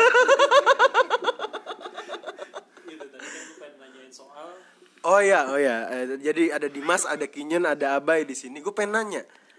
eh mungkin buat nanti kita eh, lanjut lagi obrolannya. Tapi lagu anak-anak yang memorable buat lo itu apa? Satu aja kali ya. Dan kenapa? Dimas dulu kali ya. sebenarnya nggak ya gue ada dua sih sebenarnya nggak ada gue nggak tahu meaning dari lagu ini sebenarnya apa tapi tapi pasti keinget-ingat yang pertama gue dua boleh Fik ya boleh lah Ya. gue yang punya podcast di sini lo nggak bisa ini Nawar lo kayak di Senen anjing. pertama Joshua diobok-obok pertama itu Alasannya karena ya kayak enak aja nggak tahu pasti catching, lagu eye catching gimana? Lagu Pokoknya eye catching. Lu denger lagu easy mata. listening, easy listening, enggak easy listening. Pokoknya pastilah anak-anak pasti dengarnya diobok-obok. In- yang gue dapet dari inti lagu itu adalah jangan main air aja sebenarnya. Nanti masuk angin. Dim, kayak gue menyuarakan pendengar nih. Tolong dong nyanyiin sedikit ya bagian dari dia obok please. jangan. Dikit deh nyanyi nyanyi dikit. Refnya aja, refnya aja. Soalnya ini gue kinyun. Uh, Fikra lu sebagai di sini sebagai bintang tamu, lu gak bisa ngatur-ngatur gue Dimas dan Abai. Eh, itu pintu gue bisa cabut sekarang nih. Ya udah cabut aja, Ah, bangsat lu pada. Pertama itu Joshua diobok-obok sama gue nggak tahu siapa nyanyi sama tikus makan sabun. Itu gue nggak tahu siapa nyanyi tikus makan sabun. Tapi menurut gue itu juga nggak ada sebenarnya nggak nggak ada nggak ada apa namanya nggak ada maknanya. Iya nggak sih? Atau gue doang yang salah? Itu doang sih yang paling terngiang-ngiang di gue sampai gede ini. Alasan. nggak tahu nggak ada ada alasan terspesifik ya sekarang kalau mau ngasih tahu alasannya dulu kan kecil cuk gitu loh kita suka suka aja masuk ke dalam ingatan lo gitu loh tanpa ada alasan apa pun. Jadi kayak memorable aja. Saat lo tumbuh besar ya kayak inget-inget aja gitu kayak anjing gue inget dulu gue dengerin lagu ini pas gue lagi main bola gitu. Pas gue lagi sama mak gue atau enggak pas gue lagi berak gitu kan segala macam. Itu aja sih. Eh, gue mau bikin konten dibantah nih kayak gini nih. Bang, saat kali tuh ya udah udah oke oke oke. Itu Dimas ya tadi. Oke, Dimas eh diobok-obok dan tikus makan sabun. Oke, tikus makan sabun diobok-obok. Siap. Eh kinyen kinyen. gue jujur ya lagu anak-anak gue paling memorable banget yang masih ketemu gue satu abang tukang bakso Eh, itu siapa yang nyanyi ya?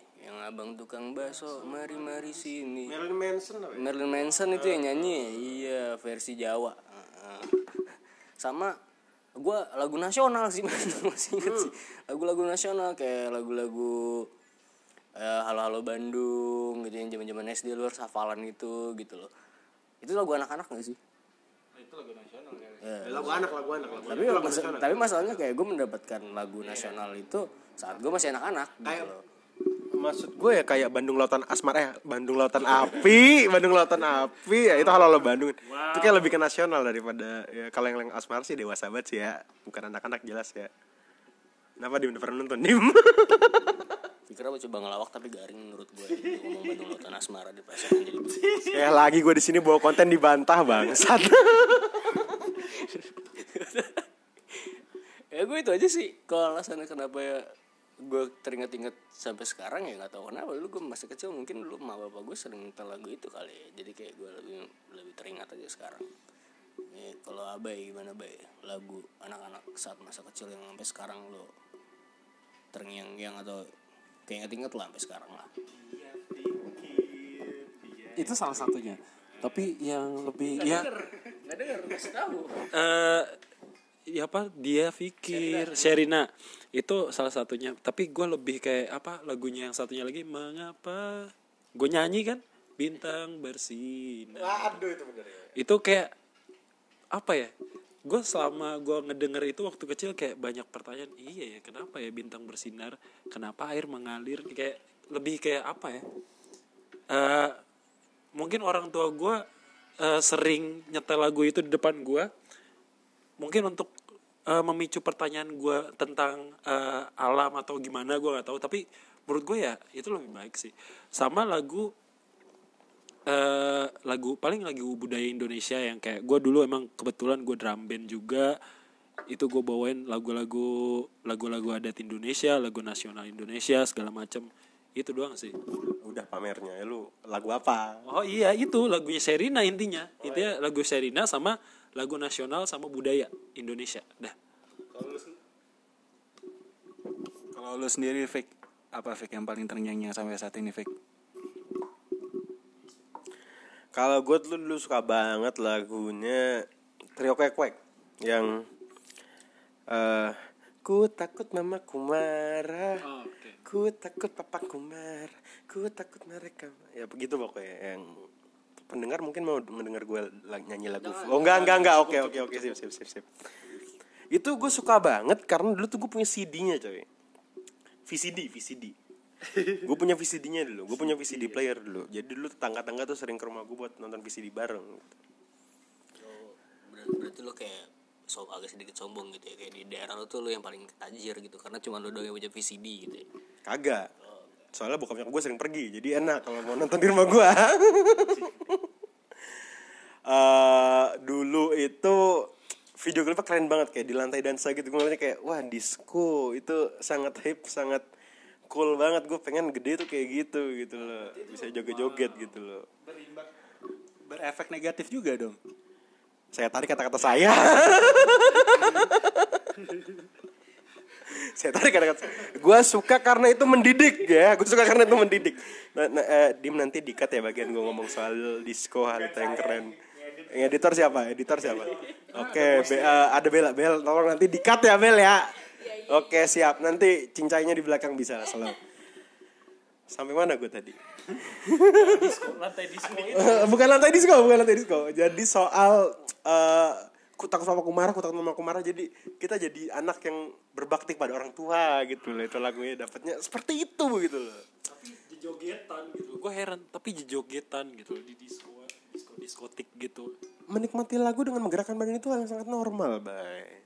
Iya gak sih? Diobok-obok gerakannya menurut lu gimana? Ya gini eh gue bilang gini juga pendengar nggak ngerti. Sa saat gue melihat dia obok-obok gue cuma inget masa-masa tukul masih miskin anjing ada tukul emang ya ada video klipnya tukul video klipnya sih tukul Oke, habis ini kelar kita rekaman, gue tonton lagi video klipnya. Sama, gue inget dulu ada lagu Joshua. Cuma gue lupa lagunya tapi gue inget video klipnya. Yang dia di jadi pilot. Ingat nggak?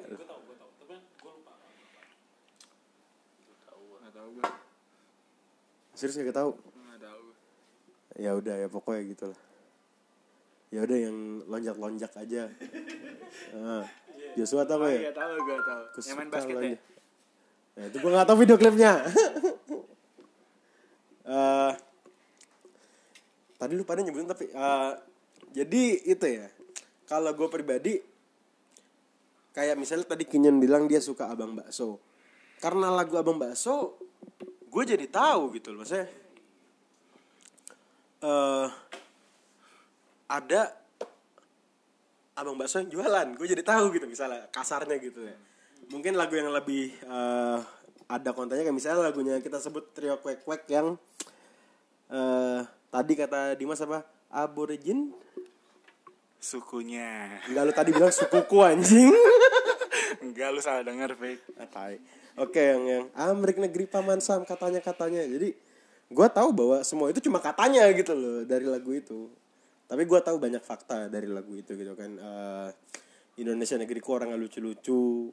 eh, itu zaman dulu kan kita eh, itu yang soal zaman dulu. Kita beralih ke sekarang gitu loh ke sekarang. eh, ini fakta di lapangan yang gue lihat gitu loh. Em, anak zaman sekarang eh, generation apa baby boomers namanya ya ya nggak juga deh kalau anak kecil zaman sekarang. Nggak kan ada ada je- gen X milenial gen Y gen Z baby boomer segala macem gitu gitu enggak nggak baby boomer. Pokoknya bocil bocil zaman sekarang itu kita bahas dari masalah dari eh, fakta dulu yang ada di lapangan. Lapangan mana nih? Lapangan apa? Lapangan mana? Lapangan Senayan apa Amin Peking Amin Peking, lapangan Amin Peking. Dia coba digebukin di sana. Ya, iya itu. Eh, tolong tadi di scratch ya Bel ya, tolong ya Bel ya. Biar pendengar tidak perlu tahu soal lapangan Amin Peking. Ya, oke. Eh Bangsat gue lupa tadi sampai mana. Zaman sekarang. Zaman sekarang, fakta di lapangan. Semua pasti tahu lagu Baby Shark nggak? Iya nggak sih? Nanti mungkin Bel pas ngedit lu bisa setelin pas gue ngomong ini lu setelin lagu Baby Shark di background gitu ya. Baby Lu nyusah-nyusahin dah, bintang tamu nyusah-nyusahin. Ya gue bisa pulang sekarang itu pintu. lu bintang tamu ngatur-ngatur anjing Gue bisa pulang. Ya udah pulang. Udah malam gak enak. Takut saya. Begal banyak. Ya eh Oke, itu lagu yang bagus. Eh, selain Baby Shark, eh, mungkin ada lagu kayak eh, kalau lo tahu, jadi gue punya sepupu masih kecil. Dia itu ngedengernya kalau nggak Baby Shark ada lagi lagu dari luar tuh yang Mami finger, mami finger, where are you? Here I am, here I am, how do you do gitu loh. Eh, di satu sisi, oke, eh, mereka tumbuh kembang, balita-balita itu tumbuh kembang dengan lagu yang bag- ya, lagu yang cocok dengan usianya gitu loh. Tapi di sisi lain, mereka melupakan pentingnya lidah ibu. Pentingnya lidah ibu maksud gue adalah eh, pentingnya bahasa bahasa ibu, eh, bahasa Indonesia. Heeh, karena mi gue nggak tahu ya eh, lagu anak-anak zaman sekarang yang beredar itu seperti apa gitu loh. Oh gue pernah dengar ada lagu Pokemon ya apa tuh? Gimana lagunya? Pokemon Pokemon di mana kamu? Baru lagi. Tuh gue nggak tahu. Gue nggak tahu kalau itu. Oh itu Oh iya. Ya oke oke. Kita oke bersyukurlah ada satu lagu bahasa Indonesia yang cukup dikenal anak-anak tapi yang gue dengar mayoritas ini dengar adalah lagu-lagu Baby Shark atau yang tadi gue sebutin tadi. Eh, dua oke itu dua mungkin. Mungkin ada beberapa lagi nanti teman-teman bisa eh, coba lontarkan tapi sedikit sejauh ini dibandingkan dengan masa kecil kita dulu ya nggak sih Yes, iya kalau dilihat dari banyaknya sih emang benar sih. Gue setuju dengan hal itu. Emang lebih banyakan zaman kita kecil daripada sekarang untuk lagu bahasa Indonesia-nya. Mu- Udah sih, itu aja sih. Bentar, bentar, gue gue gue nunggu tektokan yang lain dulu. Coba coba. coba. ya, ya.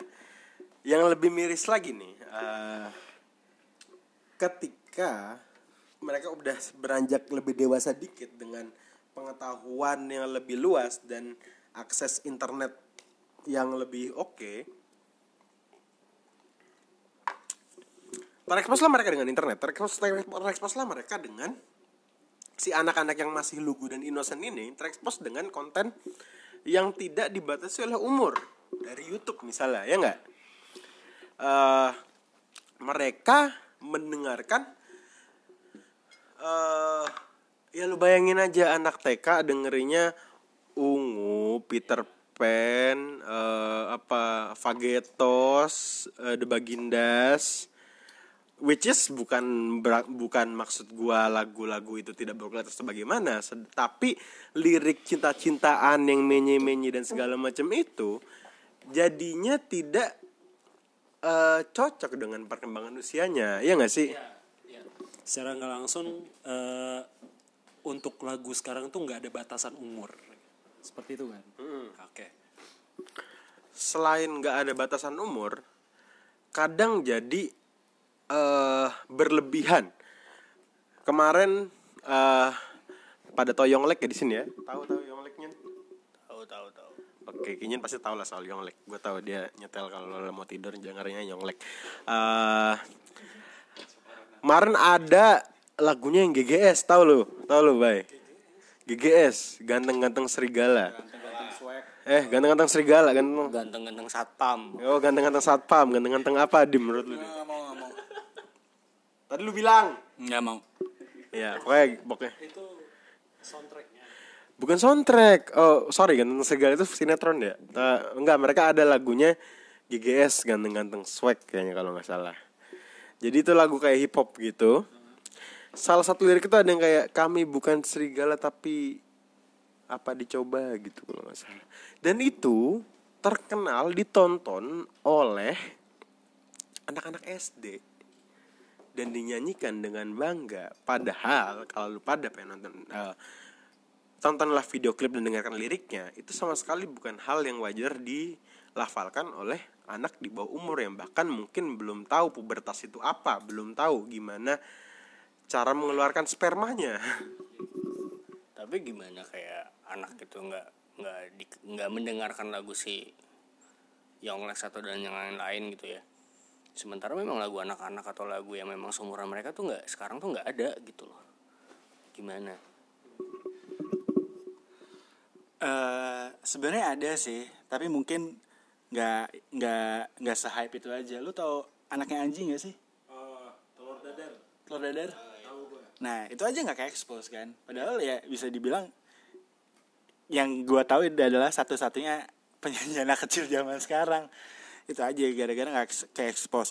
Untuk masalah eh, mereka dengerin GGS atau ungu dan lain-lain, menurut gue itu juga ada pernah orang tua juga sih. Gimana mereka bisa ini balik lagi kayak kayak nggak ini gue nggak tahu sih yang waktu itu kita obrolin bakalan diupload apa enggak baik lagi gimana cara orang tua itu membatasi memilih-milih atau apa sih mengkontrol tontonan anak-anak itu. Contohnya kayak YouTube aja. YouTube sekarang juga udah ada kok untuk yang YouTube skitnya maupun itu emang lagu luar sih sebenarnya. Tapi ya dari situ bisa lah meminimalisir cukup membantu. Itu aja sih. Kalau nggak salah nama anaknya Anji itu Saga. Coba aja tuh siapa yang punya anak tuh. Lu kali Fik punya anak. Lu mau ngomong apa Fik? oh mau ngomong nih. Lo belum punya anak.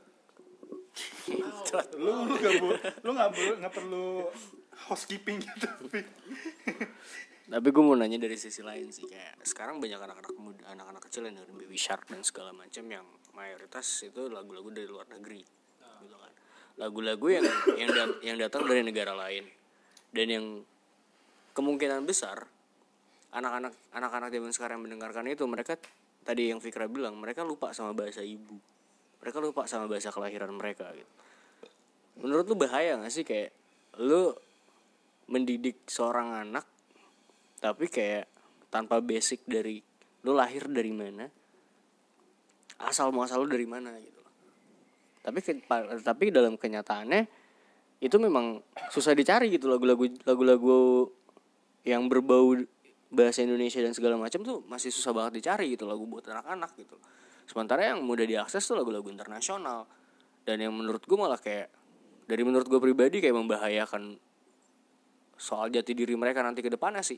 Mereka bakalan lupa sama kayak gue bukan orang Indonesia gitu gue cuman gue cuman manusia yang hidup di dunia yang mencari uang tahu realita dan segala macam tapi kalau ditanya asal lo dari mana?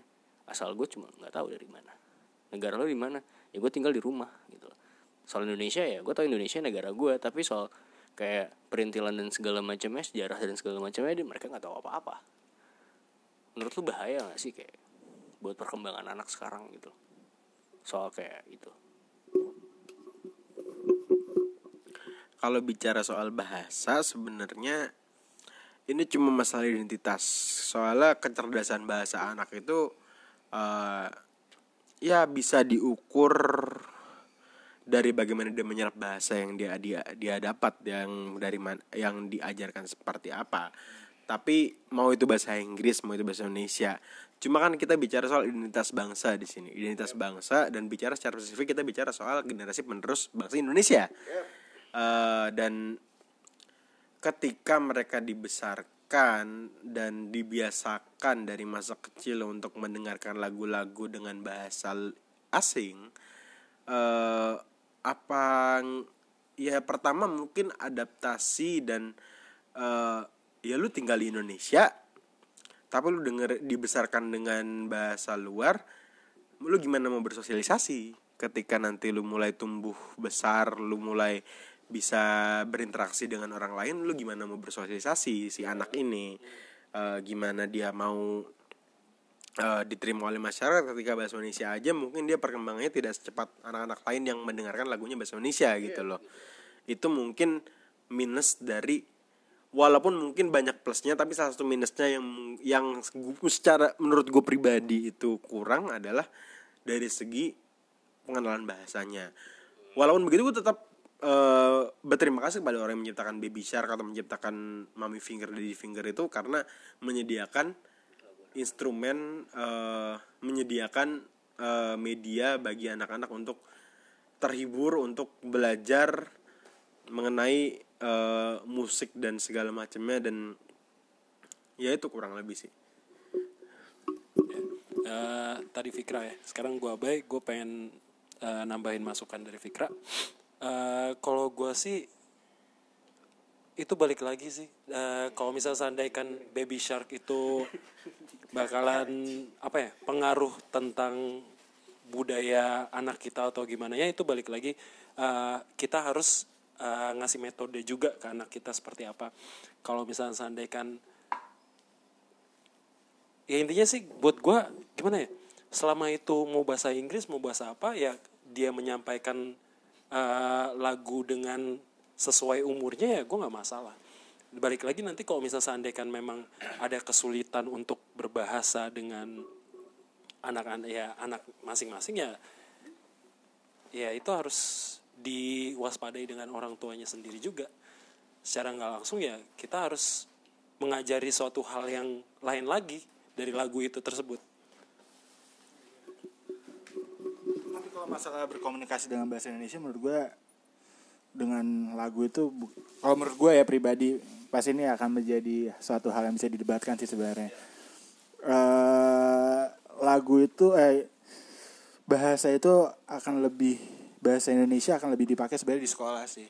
Jadi kalau untuk berkomunikasi lu lebih eh, apa namanya lebih enak di sekolah aja. Sedangkan, sedangkan untuk lagu aja untuk hibur-hiburan aja. Jadi menurut gue nggak ter nggak berpengaruh signifikan lah lagu bahasa Indonesia atau lagu bahasa Inggris. Baik lagi tapi nanti di sekolahnya gimana caranya sekolah bisa menyampaikan bahasa apa bahasa berbahasa Indonesia. Ya mungkin emang sekarang ada sekolah-sekolah internasional atau apa tapi baik lagi sih ke sekolahnya itu sendiri. Tapi kalau masalah komunikasi dengan bahasa Indonesia menurut gue itu nggak menurut gue pribadi nggak terlalu nggak terlalu berpengaruh dengan lagu sih. Secara kan lu di sekolah lu nggak nyanyi bahasa Inggris. Iya sih? Mungkin beberapa sekolah pasti ada aja bahasa Indonesia. Pasti sih. Mau di mana pun kita di tinggal Indonesia pasti ada aja bahasa Indonesia.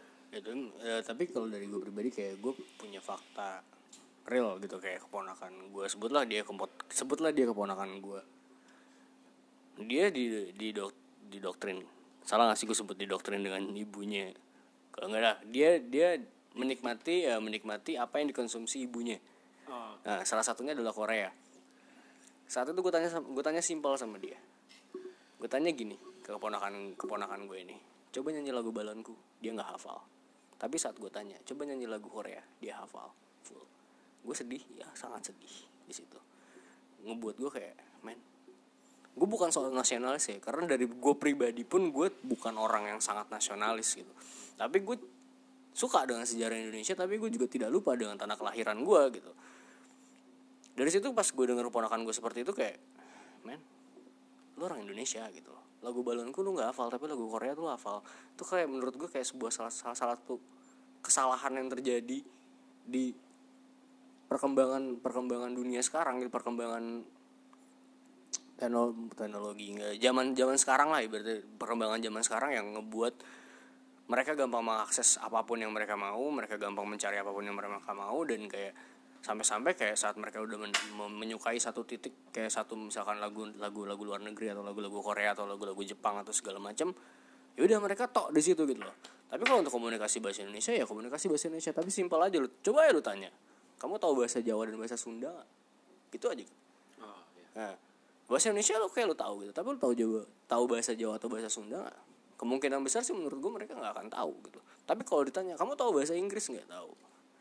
Itu satu sisi sebuah kelebihan, satu sisi sebuah ke- sebuah kekurangan gitu menurut gue kayak lu nggak punya ide- identitas nggak punya identitas pribadi gitu. Kayak lu nggak punya jati diri gitu.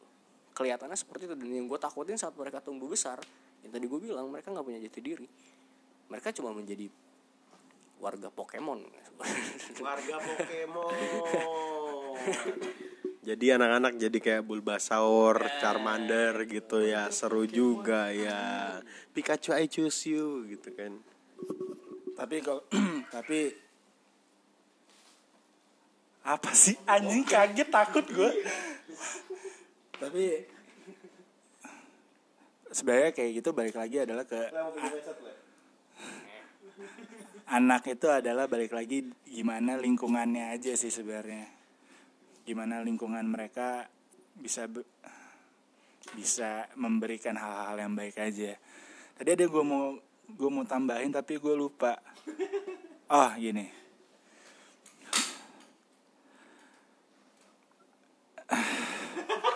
Gini gini gini. Enggak, udah udah. Gue udah udah dapat gue mau nanya sebenarnya. Nambah desahan Enggak. gue mau nanya. Kita adalah di umur yang produktif. Ya. Menurut lo nih kalau lu bisa membuat satu movement movement apa yang akan lu buat untuk anak-anak Indonesia zaman sekarang? Gue dulu.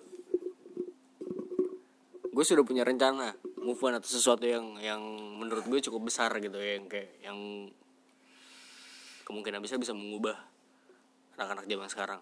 Gue pengen ngangkat sejarah Indonesia tapi versi kayak Game of Thrones gitu sejarah Majapahit sejarah Singosari tapi gue buat kayak seriesnya Game of Thrones gitu. Karena dari gue melihat dari contoh Dimas Dimas penonton Game of Thrones gitu.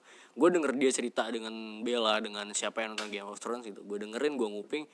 Ceritanya bener-bener nggak jauh dari sejarah Singosari, si Ken Arok, Ken Dedes gitu, perebutan tahta dan segala macem. Dari dari pengenalan sejarah Indonesia ke anak-anak muda sekarang ke anak-anak kecil sekarang atau anak-anak remaja sekarang itu menurut gue jauh lebih efektif sih kayak memperkenalkan negaranya sendiri gitu. Sejarah negaranya sendiri tapi versi zaman sekarang. Kalau lu ada nggak Fik? Movement apa yang pengen lu buat? Gue sepakat sih itu. Enggak, enggak enggak. Menarik karena buat gue sejarah itu sangat berkesan ya apalagi dulu siapa guru sejarah kita Arif apalagi di diajarin Don Arif Pradono buat SMA Pisena shout out to Pak Arif Pradono yo yo rock Pak Ya, itu guru sejarah kita dulu Kenapa kalau gue ngomong dikat-dikat sih anjing Pasti Pak Arif juga malu sih anjing ya. Siapa ini? Siapa ini? Siapa ini? Ini murid saya ngomong bangsat-bangsat gitu. Tai.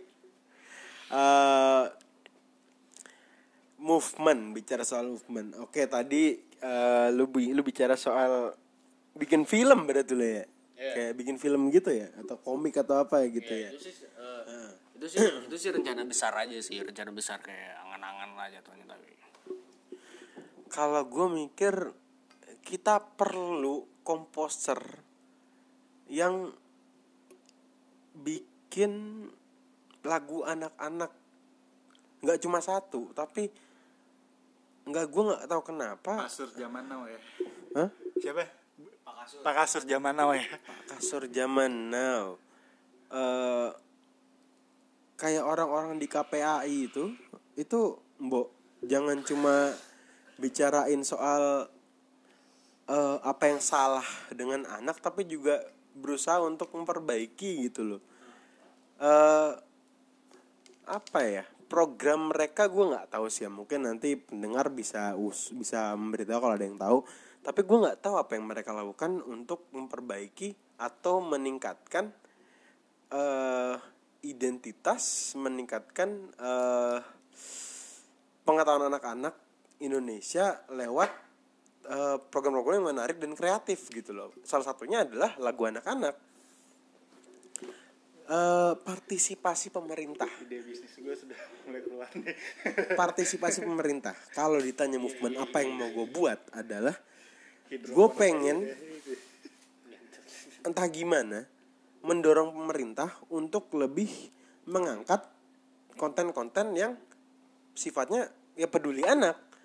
Eh banyak gue gue tahu banyak orang yang mencoba untuk membuat lagu anak-anak tapi nggak ada yang di up nggak ada yang didorong ke permukaan.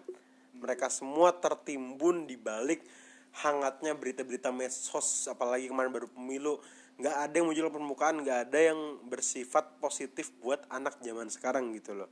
Gue yakin kalau pemerintah membantu untuk ngangkat konten-konten semacam ini mulai dari KPAI dulu deh mungkin kritik gue besarnya ke KPAI Kak Seto dan orang-orang yang lain mungkin. Come on do something gitu loh do something Eh, karena ya miris kalau lu teman-teman pada tahu pasti paham lah sekarang eh, yang lagi marak banget tuh anak-anak SD bertingkah selayaknya remaja pamer kemesraan di Facebook. Pamer cium-ciuman, pamer peluk-pelukan di Facebook, putus cinta, bikin status segala macam gitu. Si Aca yang si ini bla bla bla bla bla gitu. Lah kan ngelihatnya memuakan gitu loh. Maksudnya at your age dan ini nggak bisa anak juga disalahkan. Orang tua perannya di mana? Pemerintah perannya di mana?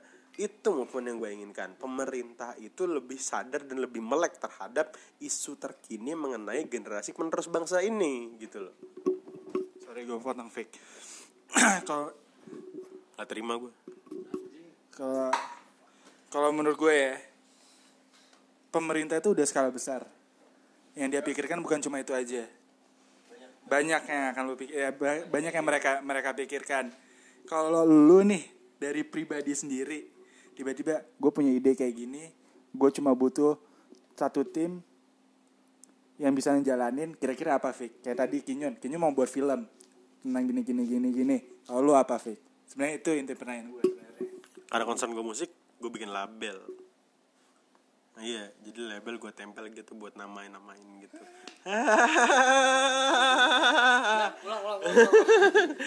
Oke, enggak ya gue bikin label, musik label yang mewadahi untuk bikin lagu-lagu segmented untuk anak-anak.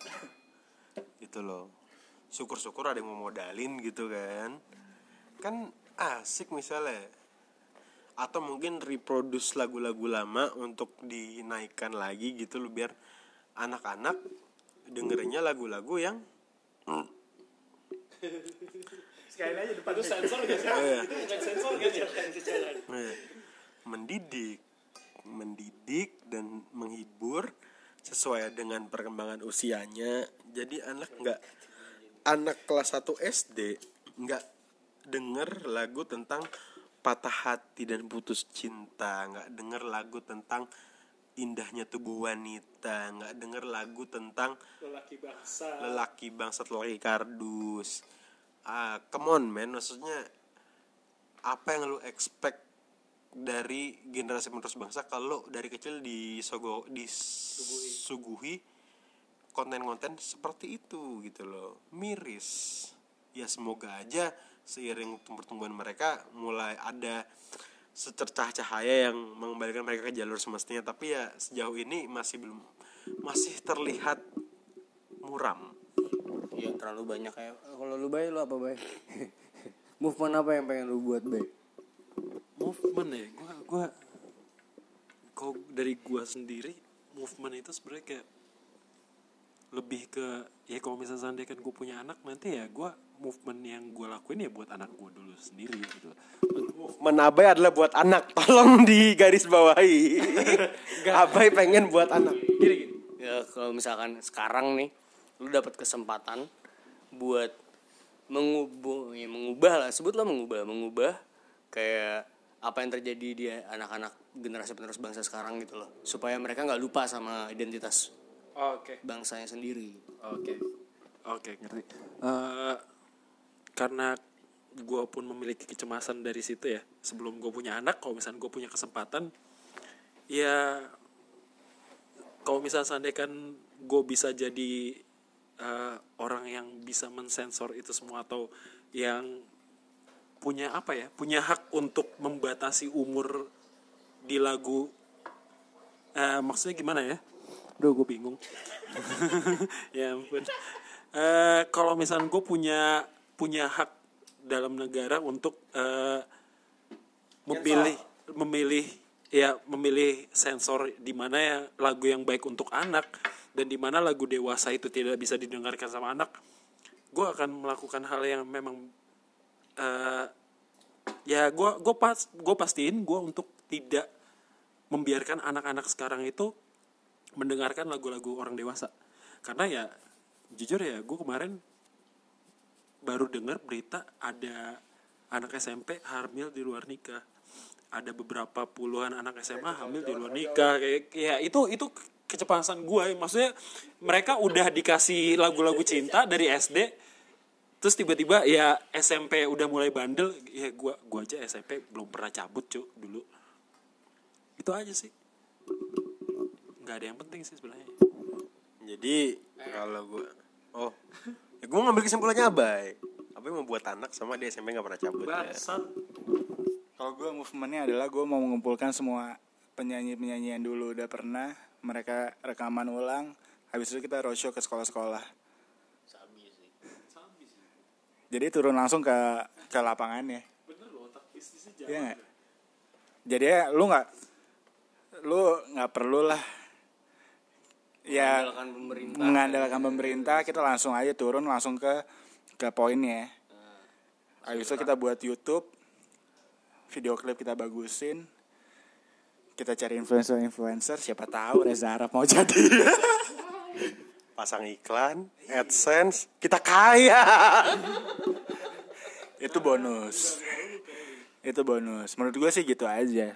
Pasti penyanyi-penyanyi zaman dulu juga pasti bersepikiran sama kita dan kalau ya ini kita jadi ngomongin musik. pokoknya adalah inti gue adalah seperti itu gue mau ngumpulin semua mereka rekaman ulang kita roadshow ke SD SD ke TK TK untuk memperkenalkan itu semua yang lagu-lagu yang lagu-lagu kita dulu dengerin karena dari situ insya Allah balik lagi ke lingkungan lagi sih kan karena lingkungan itu satu suara ya mungkin ke depannya akan lebih mudah. Itu sih kayaknya kalau gua akan membuatkan satu movement. Terus ada siapa? Ini lu nyun? Gue cuma gue cuma mau ngomong. Mungkin beberapa yang dengar kayak bilang anjing ya anak-anak lu bullshit lah segala macam gini-gini. Tapi gue cuma ngingetin buat lu semua kayak kalau ada orang yang satu pemikiran kayak gue kayak Dimas kayak Bay kayak Fikra mungkin cuma berempat gitu loh tapi gue yakin banget gitu nggak cuma gue berempat yang punya satu yang punya pemikiran ingin mengubah generasi penerus bangsa sekarang. Banyak orang-orang lain yang mungkin satu pemikiran juga sama gue sama kita. Kalau mereka digabungin kita digabungin kita bakal bikin bakalan bisa bikin satu movement yang menurut gue bakal bisa mengubah. Itu sih. Mengubah apa yang udah udah jalan sekarang yang apa yang udah dikonsumsi sama anak-anak sekarang dan apa yang menurut gue jujur dari pribadi kayak merusak sih jatuhnya. Gitu. Jadi jangan kayak meskipun menurut lo ini fana tapi kayak tetap men lu bisa mengubah selama itu masih ada di hati lo gitu. Jangan terus Eh, ngentot lu fake jangan jangan jangan terus jangan jangan terus patah apa patah semangat kayak ah bullshit lah semua lah ya udah lah gue jalanin aja lah. Yang hidup ini memang sudah dipengaruhi dan dikuasai oleh kapitalis lah udah gue ikut kapitalis aja lah segala macam. Ya itu lo harus bisa membagi lah kehidupan lo lo, lo ikut kapitalis berapa persen dan lo sedikit ikut idealis lo berapa persen gitu loh. Jangan sampai lo ke lo pribadi pun kehilangan jati diri lo gitu loh. Sebelum lo mengubah jati diri orang lain ya ubah lu harus punya jati diri dulu sih gitu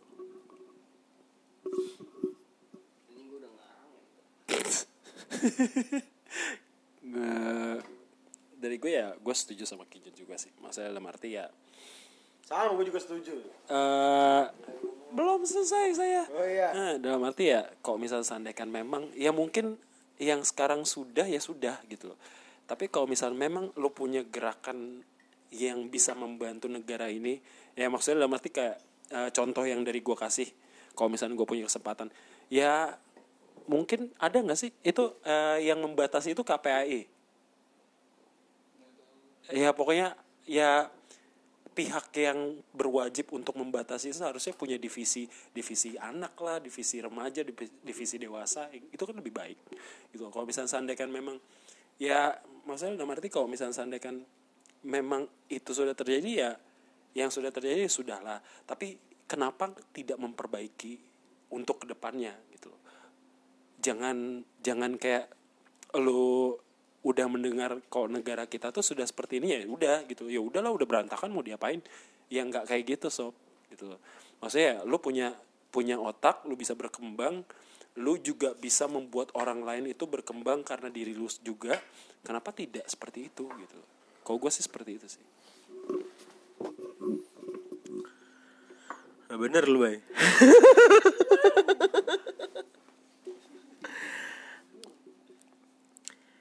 Eh, tadi itu semua tadi eh, ide-ide yang cemerlang dan mulia dari lingkaran ini gitu loh.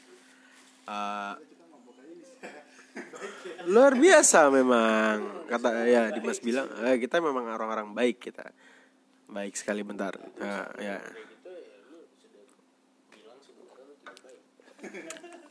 Apa ria ya? Nah, Heeh. Ya, benar.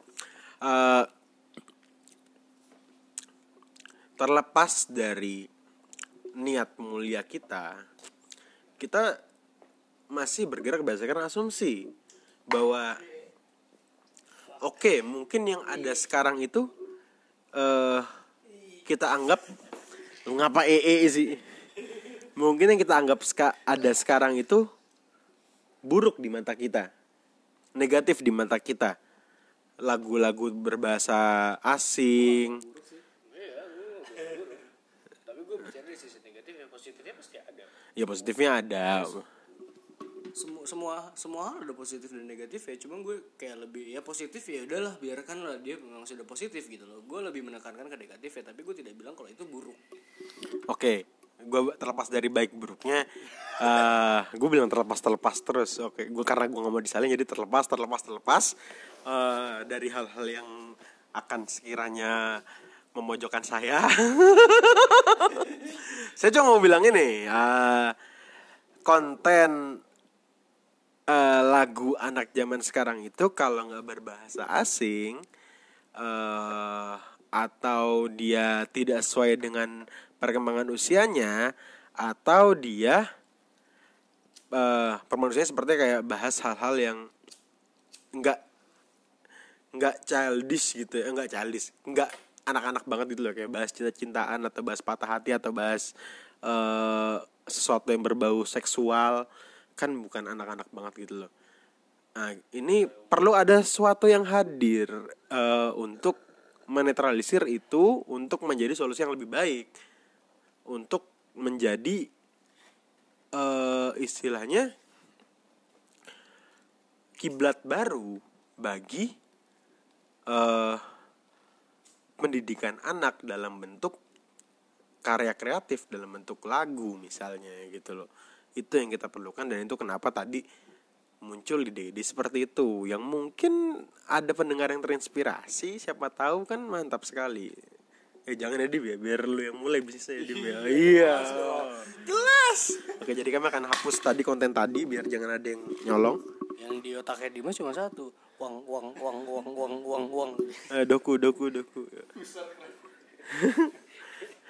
Siapa tahu ada investor yang mau mendengarkan ide-ide kita ini dan bisa membantu-bantu kita. Kan kita bisa mengubah negara ini juga. Ya sebenarnya bahwa saat lintasan itu semacam tender bisnis sebenarnya ya. Sebenarnya kita pengangguran dan mencoba mencari sela-sela mencari uang. Oke, oke. Jadi proposal dalam bentuk rekaman audio. Bagus sekali, luar biasa memang.